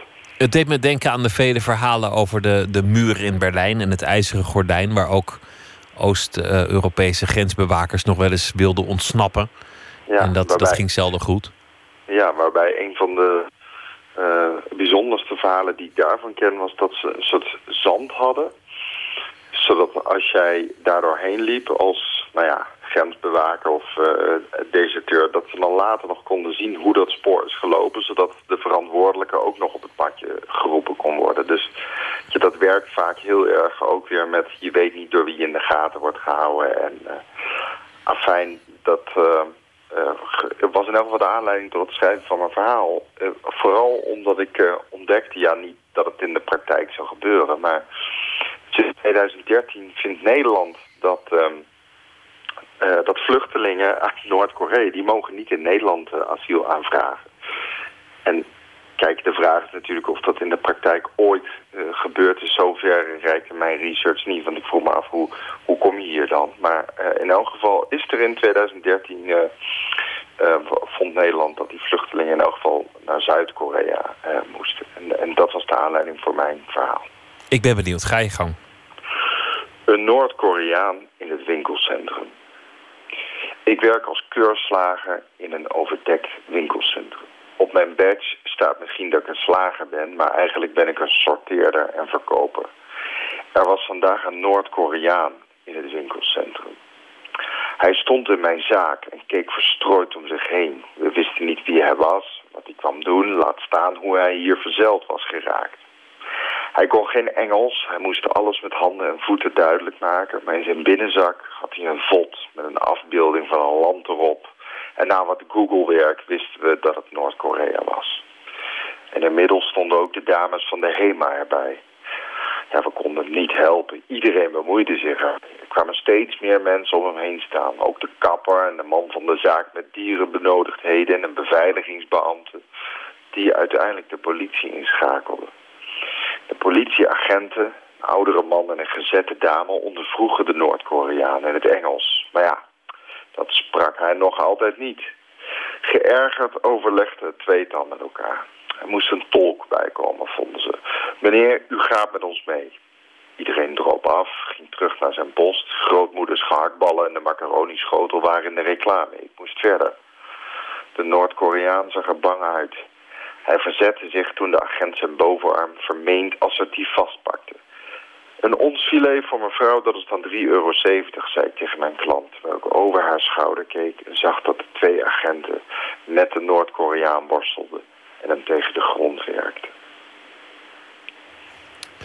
Een verhaal uit Noord-Korea dat eigenlijk ook uh, zich in de hele wereld afspeelt. Over mensen die, uh, die weg willen komen en worden tegengehouden. Thomas, dankjewel. voor, uh, voor je verhaal en een uh, hele goede nacht. En ik ben benieuwd uh, wat je verhaal morgen wordt bij de dag die dan weer komt. Tot morgen. De Frenda Benhart ging ooit door het leven als freak folk shamaan met bijbehorende lange baard. Maar inmiddels is hij volwassen en in plaats van ontregelende folkmuziek maakt hij tegenwoordig liedjes met een kop en een staart. Een nieuwe plaat is er, Ape in Pink Marble. En dit nummer heet Middle Names.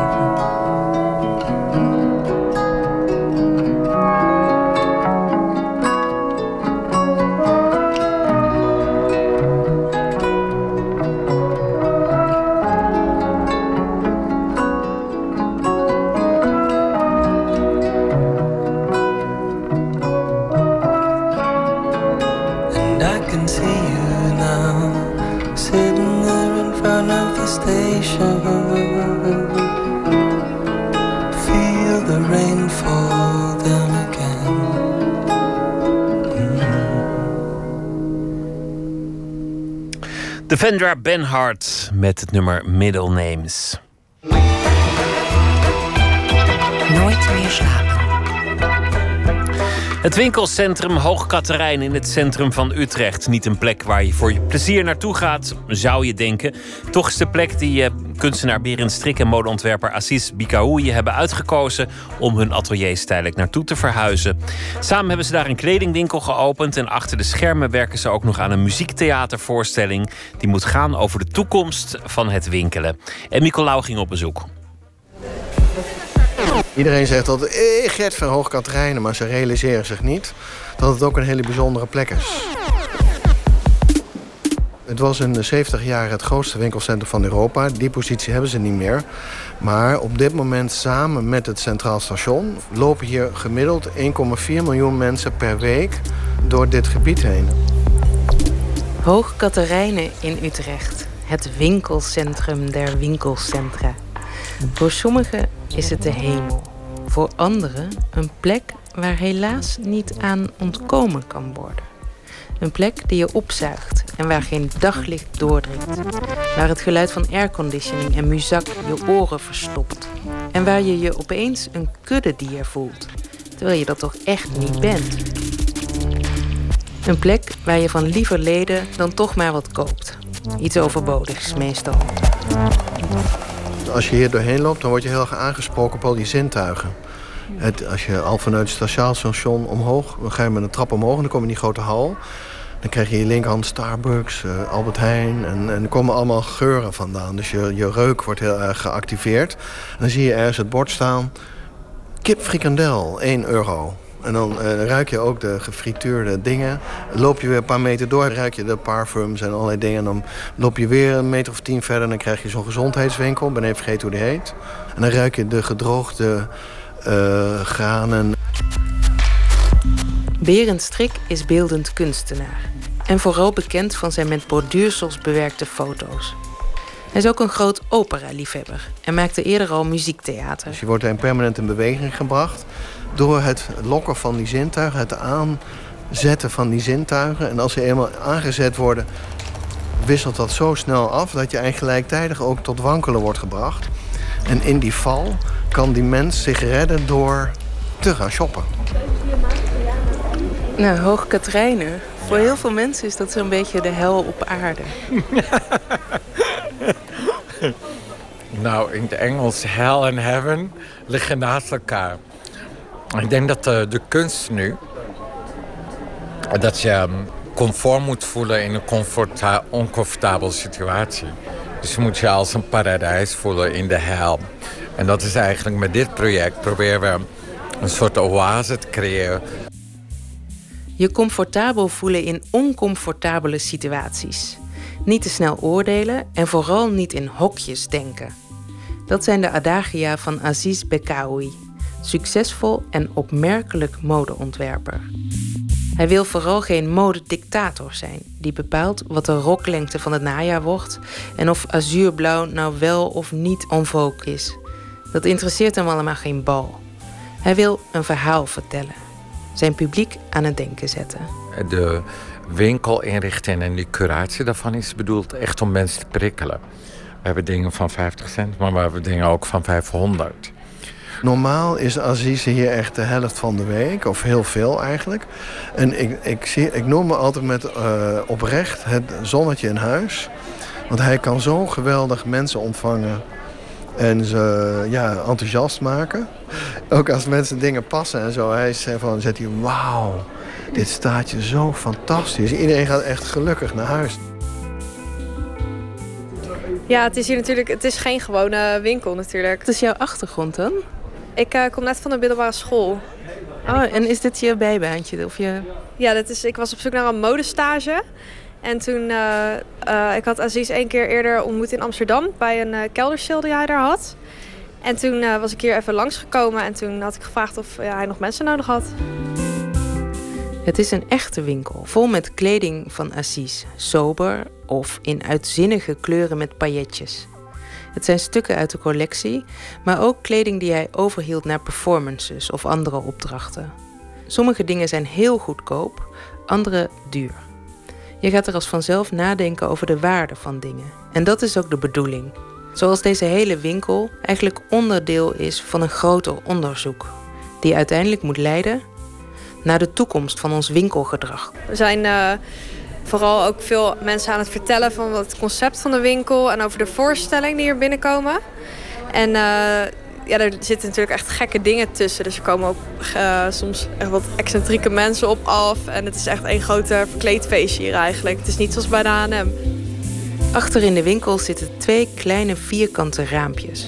Kijk, en als je door die kijk, als je sommige mensen hebben het passen en die denken, ja leuk, even in de spiegel kijken hoe het staat.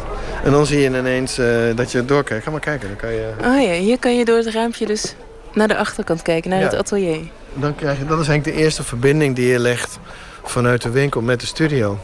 Ja, dit is wel heel gaaf, want je voelt je bijna een beetje Alice in Wonderland, dat je opeens zicht krijgt op de ja. achterkant die ook nog blijkt ja, en dat te bestaan. Is eigenlijk in, in geen van die winkels heb je eigenlijk het idee dat, dat er heel veel gebeurt zeg maar, naast of aan die winkels. dan heb je natuurlijk hele kleine koffieruimtes en een play of weet ik veel wat. Maar hier zie je ineens een zee van een soort studio. Dat is natuurlijk een hele mooi. Ik vind, ik vind het zelf het mooiste deel van het hele project. Daarachter ligt een hele andere wereld verscholen. Een lichte ruimte die een glimp laat zien van hoe hoog Katerijnen moet gaan worden. Hoge hallen met veel steen, glas en daglicht. Overal liggen rollen stof en klosjes scharen. Twee torenhoge paspoppen trekken de aandacht en daarachter de werken van Strik. Twee van zijn assistentes bewerken met monnikengeduld zijn foto's met borduursels. Een dame komt binnen. Ze pakt een tas uit met stofjes erin. Ik ben nu even bezig uh, een BH van de toekomst uh, te ontwerpen. En ze hebben nu alvast modellen uh, borsten. Dat zijn echt voor modellen. En dan, ik heb het nu overgetrokken. En aan de hand daarvan ga ik nu ja, mijn fantasie laten gaan over mijn over BH. Hoe ik denk de toekomst moet zijn. En u bent een vrijwilliger? Ik ben nu een vrijwilliger, ja. En wat doet u in het dagelijks leven dan? In het dagelijks leven werk, ben ik ambtenaar. Ik liep langs en ik zag het, dus ik was gewoon puur nieuwsgierig. Zo alles wat betreft materiaal en kunst, daar ben ik heel erg naartoe getrokken. Dus ik kom meteen binnen en ik heb meteen aangeboden, goh, hebben jullie hulp nodig? En ja, mag, kan, is voor mij. Hebben dan de ateliers, Berend en ik zijn aan het werk. Dus kan iemand kennis maken. En dan, als er nog meer interesse zijn, dan kunnen ze meewerken aan uh, kunstobjecten uh, met Berend. Of ze kunnen mij helpen met de collectie maken en de kostuums voor de voorstelling.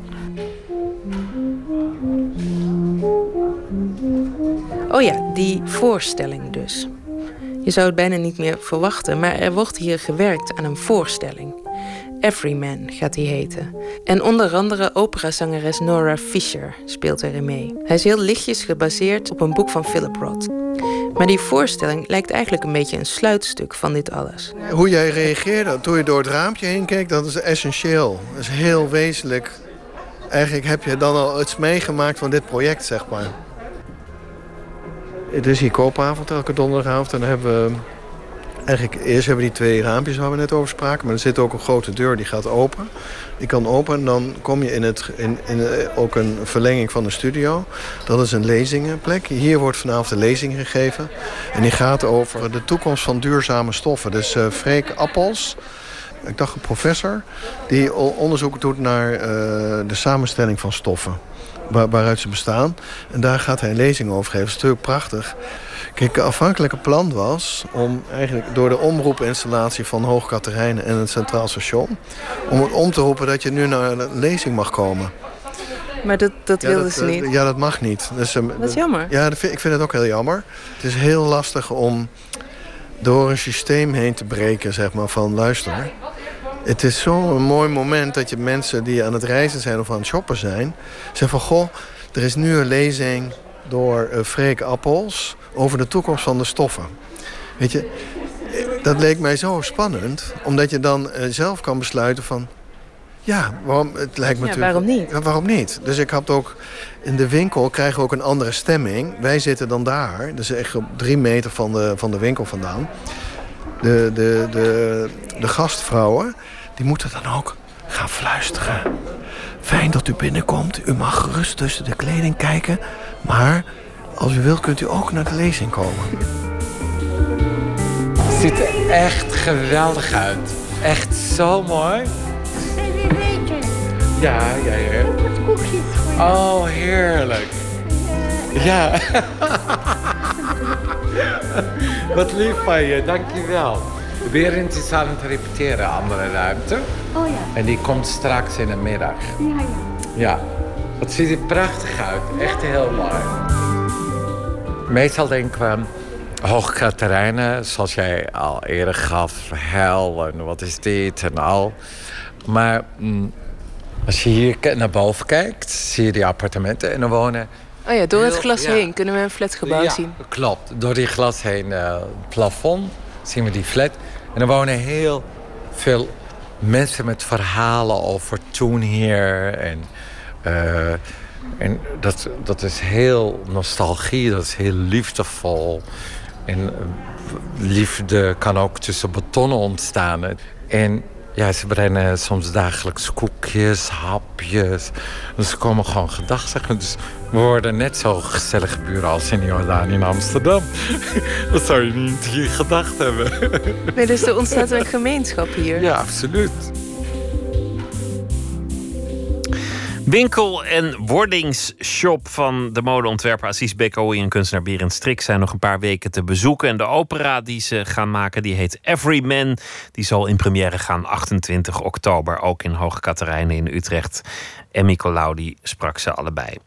Nick Waterhouse, een Amerikaanse singer-songwriter die oude rhythm and blues en soul mengt met hedendaagse invloeden. Een nieuw album heet Never Twice en dit nummer heet It's Time.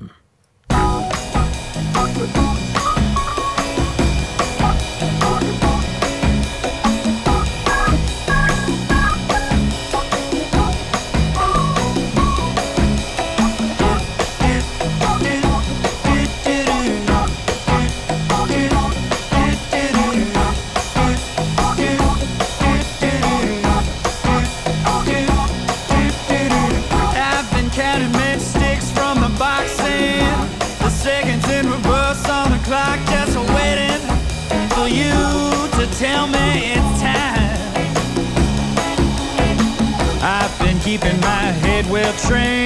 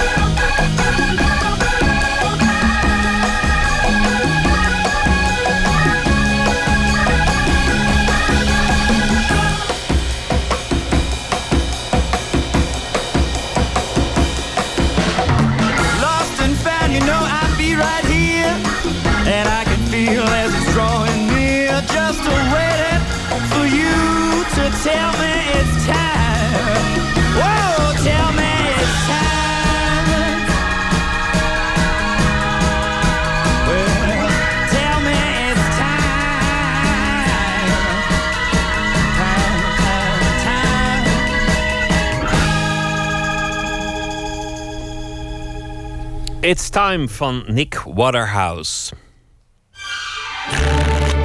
Open kaart.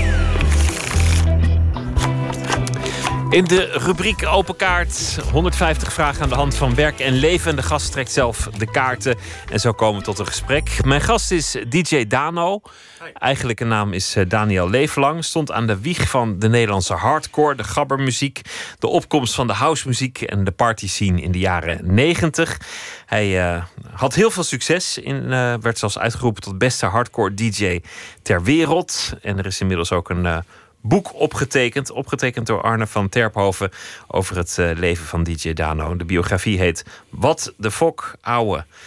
Daniel, hartelijk welkom. Wat de fok ouwe. Wat de fok ouwe. Ja, wat, zo zei je dat. Wat de fok ouwe. Ja, dat klopt. Ja, dat schijn ik heel veel te zeggen zonder dat ik het eigenlijk door heb. Dus, eh, alleen Arne heeft het opgemerkt en die dacht van... dat is een hele mooie titel voor het boek. Je hebt, je hebt jezelf niet gespaard. Je hebt volgens mij niks achtergehouden in het boek. Maar ik kan me voorstellen dat het wel een proces is geweest om, om dit allemaal te vertellen aan iemand die dat opschrijft of, of een, een bandrecorder erbij houdt. Om, omdat je dat, je dat hele leven opnieuw moet beleven en, en uit de doeken doet. Ja, ik kan je vertellen, eerlijk vertellen dat ik echt uh, huilend in Arne's uh, schoot heb gelegen. Uh, dat ik tien keer de stekker er heb uit willen trekken. Omdat er werd zoveel weer naar boven gehaald. Wat ik eigenlijk heb weggestopt. Omdat ik verder wil met mijn leven. En trots ben op mijn leven. En ik heb een heel leuk nieuw gezin. Met een zoontje van twee. En het was heel zwaar toen hij me 2,5 jaar geleden benaderde. Toen hij vroeg aan mij van, ik, ik zie in jou een boek. Ik vroeg aan hem, ja maar waarom? Ik ben ook maar een boerenlul, weet je, net, net als iedereen. Zei, nou, dat zal ik je vertellen. Er zijn een aantal dingen bij, uh, bij jou opgevallen... die ik heb gelezen in Mary Go Wilds... een ander heel mooi boek over 25 jaar dance in Nederland. En bijvoorbeeld ook over het boek eh, over IDT. En daar heb je gewoon dingen in gezegd... die, die mij heel erg interesseren. Dus oké, nou goed, laten we het proberen, dacht ik. En uh, ik zat met Arne en hij haalde zoveel shit naar boven bij me... dat ik dacht van... fuck jou met je boek. Ik heb hier helemaal geen trek in, weet je wel. En, uh, maar goed, gaandeweg. Hij zei, doe nou maar rustig, doe nou maar rustig. Het komt allemaal goed.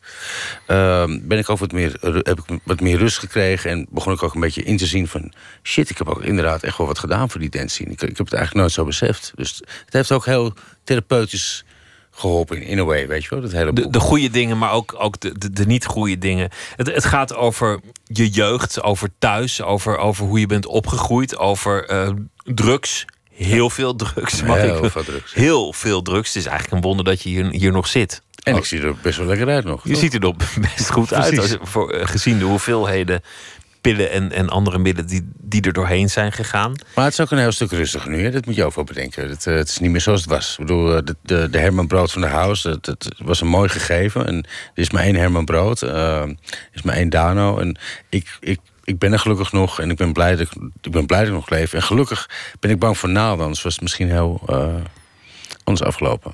Ik wist niet eens dat het kon, zes pillen op een dag. Ik, ik wist gewoon niet dat dat, dat dat mogelijk was. Ik dacht nou, dat je dan. Corrigeerde, uh, twaalf. 12. En er nog eentje voor het slapen gaan. 12, dus dat is eigenlijk 13 op een dag. Nou, dat, dat, wist ik al helemaal niet. Het hangt nee. een beetje van de sterkte van de pil af. Maar de, de, pillen waren toen volgens mij sterker dan, dan nu, wat ik ervan begrijp.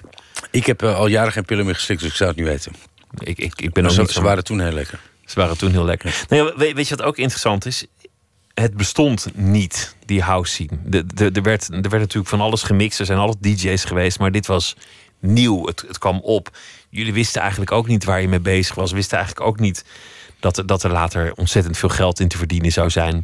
Jullie deden maar wat. Ja, ja, dat is echt zo. Hoe, hoe, precies hoe je het beschrijft, zo, ging het ook. Het was een hobby. En uh, ik, uh, maar ook uh, de Prophet, Busbus en Gizmo en an andere collega's om me heen. Het, het was gewoon, bijvoorbeeld Johnson View. we vonden het gewoon te gek om te doen. En op een gegeven ogenblik, juist op het moment dat IDT instapte werd het van een hobby, werd het ineens een soort van werk. Uh, we werden als een katapult werden we echt de, de ruimte ingeschoten. En we wisten begot niet waar we zouden landen, hoe we zouden landen. En we, we namen alles mee in die rit onderweg, weet je wel. Van, pff, zo moet het blijkbaar. En dat is echt wel een rollercoaster geweest hoor. En ineens ben je iemand, ben je een ster, treed je uh, vijf, zes avonden in de week op. Heb je geld, heb, je, heb je roem lijken er eigenlijk nergens grenzen aan. En, en dat hoorde ook heel erg bij die tijd. Er waren geen grenzen. Er was een soort totale vrijheid die samenhing met die house en, en, en die party scene. Ja, precies. Maar dat is ook omdat het nieuw was. Niemand wist eigenlijk wat er ging gebeuren. En dat is gewoon uh, hoe het was. Hoe, uh, zelfs IDT wist ook niet hoe het ging gebeuren. Alleen zij waren iets zakelijker dan wij.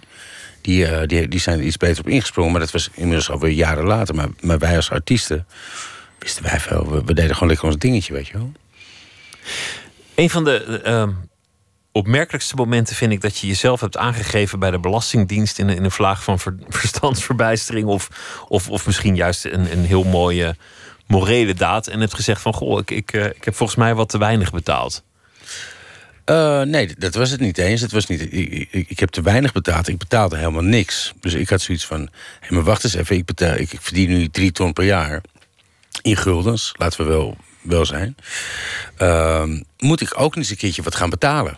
Dat lijkt me logisch. Ik bedoel, mijn oma wordt straks verzorgd in een bejaardentehuis. En ik ben blij dat er een lantaarnpaar uh, voor mijn deur uh, schijnt. Dat doet iedereen, dus dat hoort, is mijn nationale plicht. Dat hoor ik gewoon te doen in Nederland. En het is me duur te komen staan, kan ik je vertellen. Dat telefoontje. Dat telefoontje, ja. Want toen kwam er een naheffing van, van 350.000 gulden. 340.000 gulden kwam, uh, uh, kwam op mijn mat te liggen. En het, uh, de inspecteur van de belasting, what's in the name, heette meneer Tax ook nog eens een keertje. Hoe is het mogelijk, meneer Tax? Ongelooflijk, ja. ja. Heb, je, heb je daar eigenlijk iets aan overgehouden? Want, want je, hebt, je hebt zoveel succes gekend en zoveel betekend in, in die house scene. En er zijn mensen zo onvoorstelbaar rijk geworden aan, aan, de, aan het party gebeuren. In welk opzicht overgehouden? Nou ja, ben jij nu rijk? Ben je gefortuneerd? Heb je het. Uh... Ik ben een heel rijk mens. Uh, niet zozeer in, in geld. Ik bedoel, ik heb niet te klagen, moet, ik, moet ik zeggen. Ik bedoel, nee, het gaat. Maar ik ben gewoon een heel gelukkig. Ik, ben, ik heb een hele toffe familie. Ik heb een heel mooi gezin. En uh, ik heb mijn vrienden heb ik gelukkig weer terug, die ik toen destijds ook verloren was. Maar uh, als je zo populair bent, uh, hè, wat Herman Brood en Henny Vrienden zongen, als je wint heb je vrienden. Dat heb ik ook letterlijk mee moeten maken. Dat, iedereen was mijn beste vriend. Uh, alleen nu weet ik wie er nog over zijn gebleven. En dat zijn je echte vrienden. Dus ik ben heel rijk wat dat betreft. Kijk, ik, ik ben geen Tiesto, ik ben geen Armin van Buren. Ik verdien niet drie ton op een uh, avondje draaien. Dat heb ik niet. Ik rij in een oude Peugeot 205. Dat noem ik mijn Porsche. Maar ik ben een heel rijk mens, kan ik je vertellen.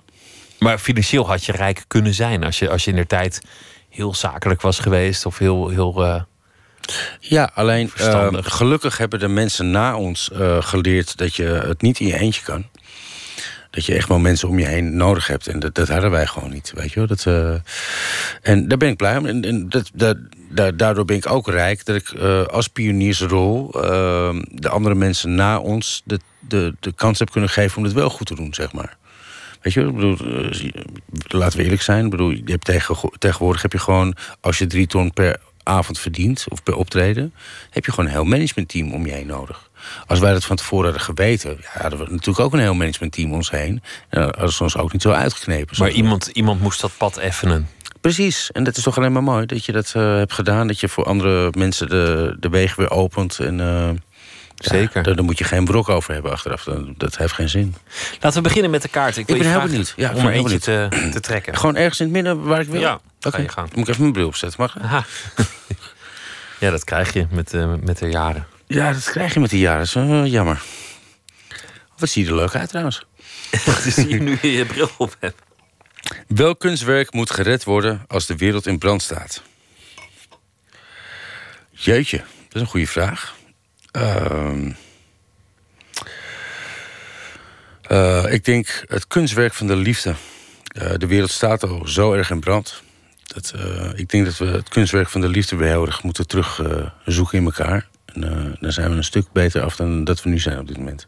We moeten de liefde hervinden in een wereld die, die soms door haat gedomineerd lijkt. Ja, ik, vind, ik vind het wel een hele zieke wereld worden op dit moment. Uh, ik, word er af en toe wel een beetje angstig van. Ik bedoel, ik geef één voorbeeld en daar ben ik echt niet trots op. Ik was laatst, uh, uh, ging ik naar een van onze bekende supermarkten met mijn auto en ik zie een donkere man rijden, een moslimachtige man. En toen had ik zoiets van, shit, ik wacht er even met uitstappen, want wie weet gaat er straks een bom af. Daar schrok ik wel heel erg van. Weet dat die gedachte bij jou opkwam. Ja. ja. zeker. Ik bedoel, ik denk, shit, de wereld is echt ziek geworden. Dat, uh, dat is gewoon kut. Dus de, de, liefde moet gewoon weer de ruimte krijgen. En uh, wij moeten ook uh, de andere mensen, van welk geloof dan ook, respecteren. Ik bedoel, ik ben zelf totaal niet gelovig. Ik, ik heb het idee dat het geloof het meeste heeft veroorzaakt wat niet goed is dan als je niet gelooft. Maar dan geloof ik nog het meest in de liefde. Laten we nog een. nog eentje pakken. Ja. Volgens mij heb ik deze net al uh, stiekem uh, bekeken. Ja. Wat is de mooiste reis die je gemaakt hebt? Nou, dat is dan uh, de reis met de Dream Team naar Australië. Dat was zo'n mooie trip. Die zou ik nooit meer vergeten. Wie, wie waren er allemaal mee? Wie waren het, het, het Dream Team? de Dream Team zijn ehm, The Prophet. Die is het ooit begonnen. Busfus, Gizmo en ik. Voordat de Dream Team bestond, ging ik als eerste naar Australië toe. Toen heb ik een hele grote fout begaan door uh, tegen de organisatie te zeggen in, in Australië van... oké, prima dat ik naar jullie toe mag komen, maar ik moet wel meteen weer terug... want ik heb het ontzettend druk met cd's maken en muziek maken. Dus ik moet echt het volgende vliegtuig weer terug. En toen zeiden ze, nou, je bent niet goed bij je hoofd. Zeg ik, ja, eh, maar Dat moet. ontzettend lange vlucht, ja. Ik heb daar gewoon 12 uur gezeten in Australië. 24 uur heen gevlogen. 12 uur daar zijn, eh, ge- geweest en 24 uur terug. Ik heb werkelijk waar twee weken lang in een jetlag eh, door de straat gelopen... als ik nog in die stoel van het vliegtuig liep. Nooit meer doen.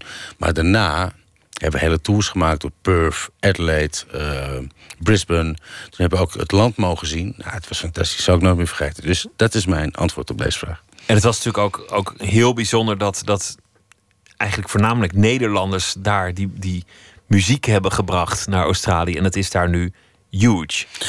Weet je wat heel grappig was? Er is één heel leuk voorbeeld. Dat, we stonden daar te draaien eh, in een van die plaatsen, dus Perth of eh, waar weet ik niet meer. Het kan Sydney geweest zijn of whatever. En toen eh, zat er een gast die zat in een Australian pak. Die was helemaal aan het hakken. Die was helemaal met zijn smoel naar links en rechts aan het draaien. En Bussus die vraagt aan hem van... waarom doe je zo gek met je mond? En toen zei hij... but this is what you do in Holland, right? Ik dacht dat het bij de dans hoorde, terwijl het gewoon een tik van de pil was. Precies. Die dacht, zo moeten we dansen hier. Neem nog een kaart. Ja, zeker. Nou. Bij wie ben je in de leer geweest? Oh, dat zijn wel een aantal mensen geweest. Ehm, ik, eh, op mijn achtste jaar ben ik eh ontzettende fan van de police. Ehm, die zag ik op top op. En dat soort eh, programma's ben ik, ben ik naar gaan kijken. En ik was heel erg geïnspireerd door de drummer Stuart Copeland. Eh, want die had een heel vet groot drumstel. En toen dacht ik, wauw, dat wil ik ook. Toen heb ik meteen alle potten en pannen uit de kast van mijn ouders getrokken. En ben ik met eh, vorken en eh, lepels ben ik gaan rammen. Tot ze er helemaal gek van werden. Dus bij hem ben ik ontzettend in, in de leer geweest. Door hem heb ik ook leren drummen. En later werd het Ben Liebrand die een heel mooi mixprogramma had bij Veronica. In de mix. En die heeft mij eigenlijk leren mixen.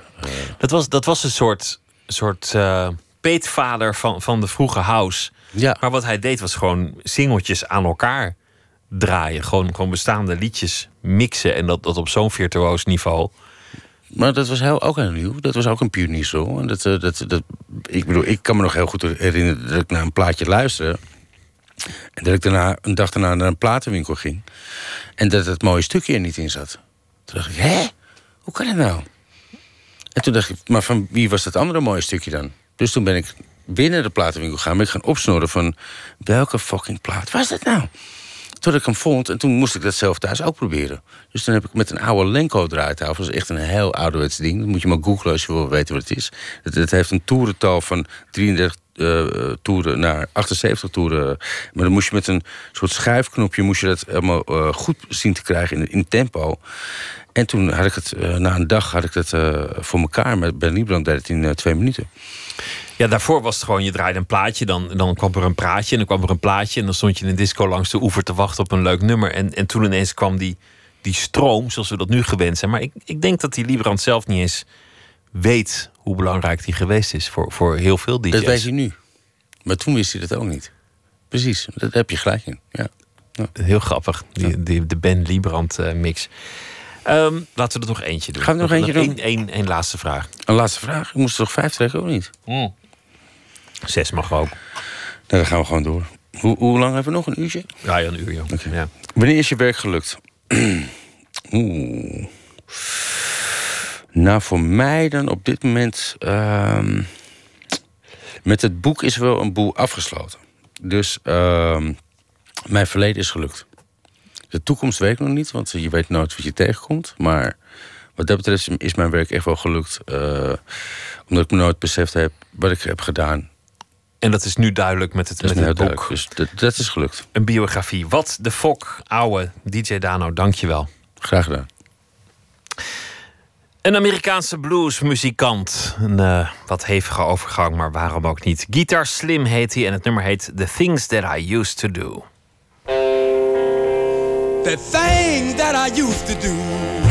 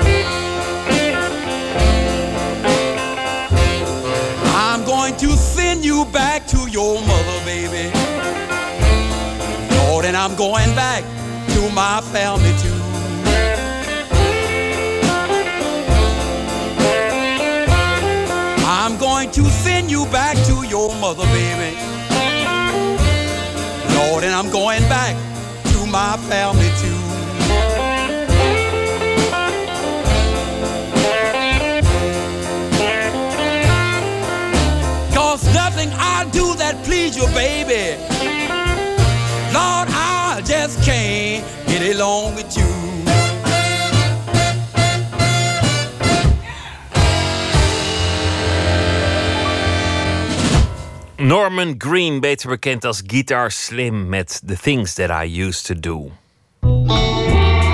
Nooit meer slapen. Als Marilyn Monroe nog zou leven, ja, als Marilyn Monroe nog zou leven, dan zou ze dit jaar bijvoorbeeld 90 zijn geworden, afgelopen juni. En bij die gelegenheid is er ook een grote tentoonstelling die dit weekende opent in Amsterdam in de Nieuwe Kerk. De schrijver Guus Luiters die zag zijn eerste Monroe-film op zijn negende en was meteen gefascineerd door de actrice. Deze week vertelt hij elke nacht over de rollen van Marilyn Monroe. De vierde en laatste aflevering, de film Some Like It Hot. Nou ja, dat is dus zeg maar de laatste echte grote film die ze gemaakt heeft. Some Like It. En dat is natuurlijk een geniale film. Omdat wie durft het nog om in anno 1958...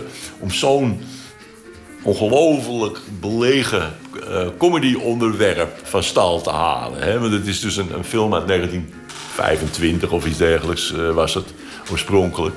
En het was zo'n travestiefilm, uh, ja, van, uh, zoals ze toen bij duizenden gemaakt werden. En uh, Wilder die heeft dat dus genadeloos opgepakt. Het is een klucht. Het is een klucht. Het is een jaren, jaren twintig klucht. En dat, kun je, dat, dat proef je nog in alles. Maar het is door Wilder dus op een, op een ander plan getild. Hè? Want het is een een klucht. En het is een travestieklucht. En met veel deuren. Hè. En platter erger kan het allemaal niet. En toch is er een extra uh, level ingekropen. Waardoor het allemaal anders werkt dan in die gewone kluchten.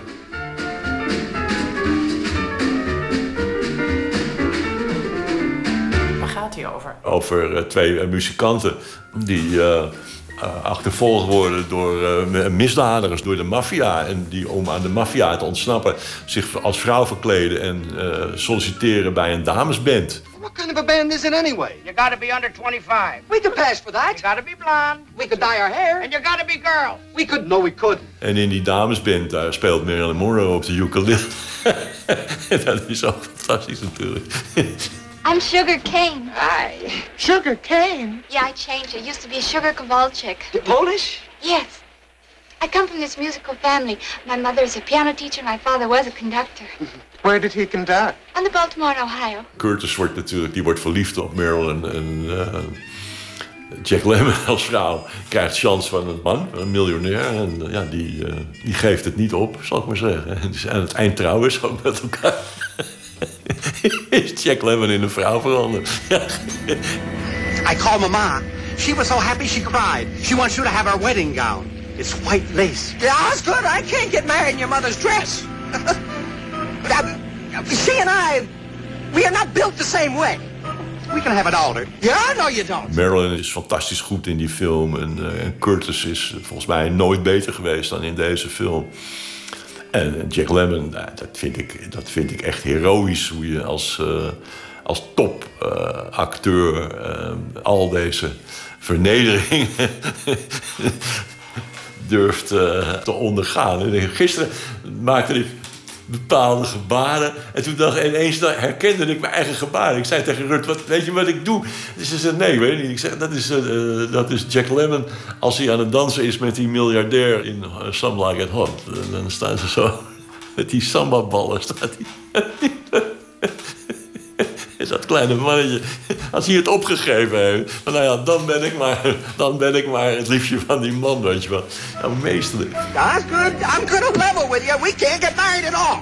Why not? Well, in the first place, I'm not a natural blonde. Doesn't matter. I smoke. I smoke all the time. I don't care. Well, I have a terrible past. For three years now, I've been living with a saxophone player. I forgive you. I can never have children. We can adopt some. But you don't understand, Osgood. Uh, I'm a man. Well, nobody's perfect.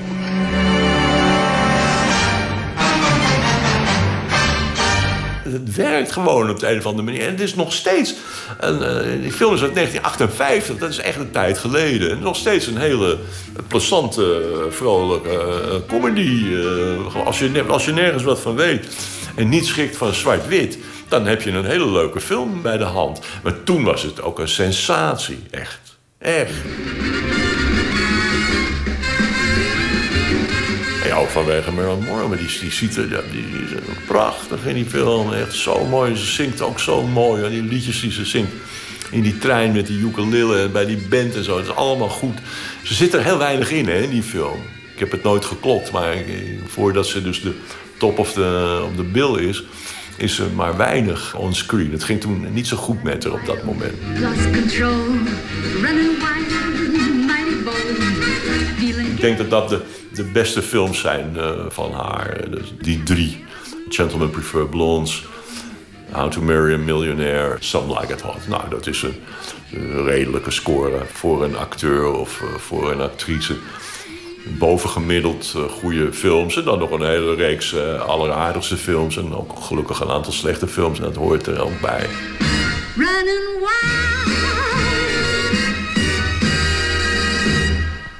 Een film die uh, nog steeds ontzettend grappig is.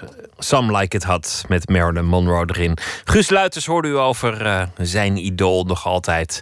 Dit jaar zou ze 90 zijn geworden, Marilyn Monroe. Een nummer uh, uitgevoerd door Cressip. Het is een klassieker, maar in de versie van Cressip uit 2007 is het ook een prachtig nummer. Everybody's Gotta Learn Sometimes.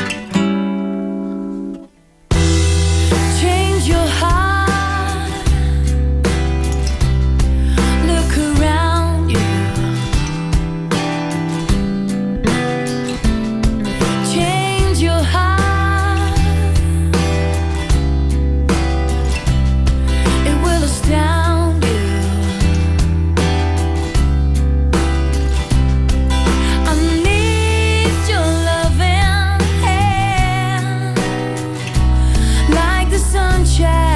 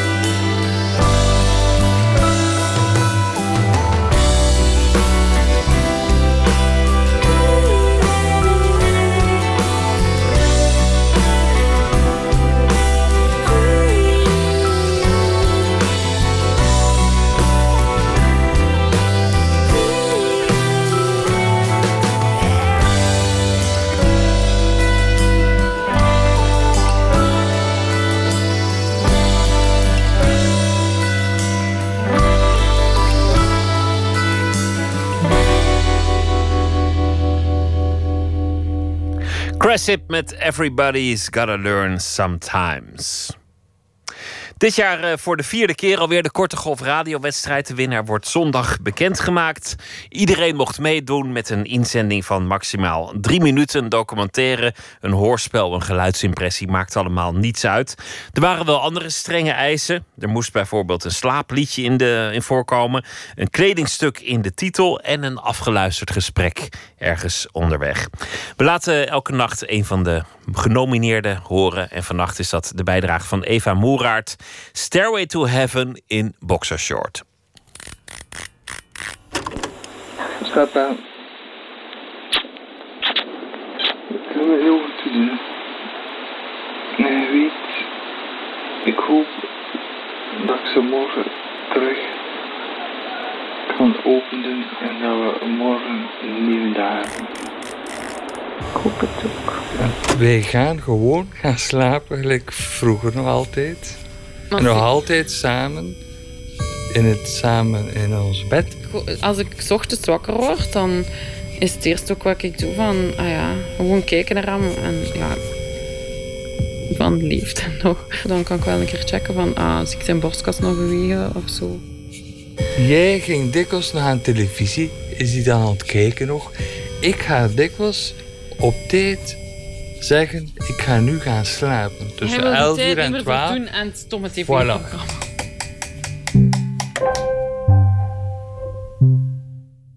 We zijn Bernard en Machteld, man en vrouw.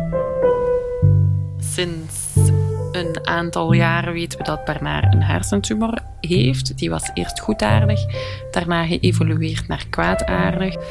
En sinds eh, begin mei van dit jaar hebben ze gezegd dat het nu een kwestie van weken is. Nu ondertussen is ze daar precies toch wel weer aan het overgaan. Dus het gaat eigenlijk beter dan de dokters voorspellen. Maar goed kun je het natuurlijk niet noemen. Ik ga in mijn bed gewoon doe bijna al mijn kleren uit, juist mijn boxershort. Dus niet een ouderwets. Eh ja, hoe zijn ze? Zo'n Niet ouderwets, hè. ouderwets Dat draag ik al jaren niet meer. Maar sommige mensen wel. Ik vind dat wel interessant. Maar je weet nog niet in welke boxershort dat we begraven worden. Dat heb je mij nog niet gezegd. Ik zou eens zeggen. Geen dan. Of zo'n slip, ja, zo een van die van Die is zo hoog. Ja. Daar heb ik niet over gehad. Nee, voor de boxershort.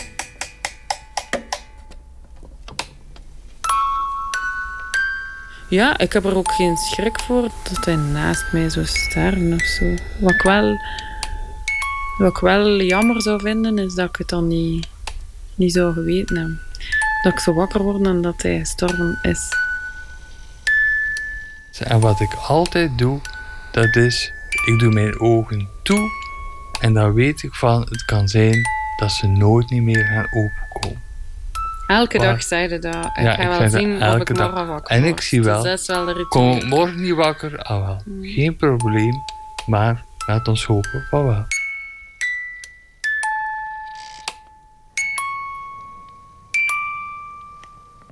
Stairway to Heaven in boxershort van Eva Moeraert. De uitreiking is komende zondag in de brakke grond in Amsterdam van de, de Korte Golf radiowedstrijd. En dat maakt deel uit van het Oorzakenfestival met allerlei radiovormen komend weekend in Amsterdam. Morgen in Nooit meer slapen, dan wordt het echt leuk, want dan komt Esther Naomi Perquin en die gaat in gesprek met Brechtje Hofstede, schrijver en kunsthistorica. Maakte een debuut met de roman De Hemel boven Parijs. Dat wordt ook verfilmd, een echt liefdesverhaal. En haar nieuwe boek heet De herontdekking van het lichaam. En het gaat over hoe ze zich heeft ontworsteld aan een burn-out. Dat allemaal morgen in Nooit meer slapen. Nu een hele goede nacht en morgen een leuke dag. En ik hoop dat u morgen weer zult luisteren. Goeie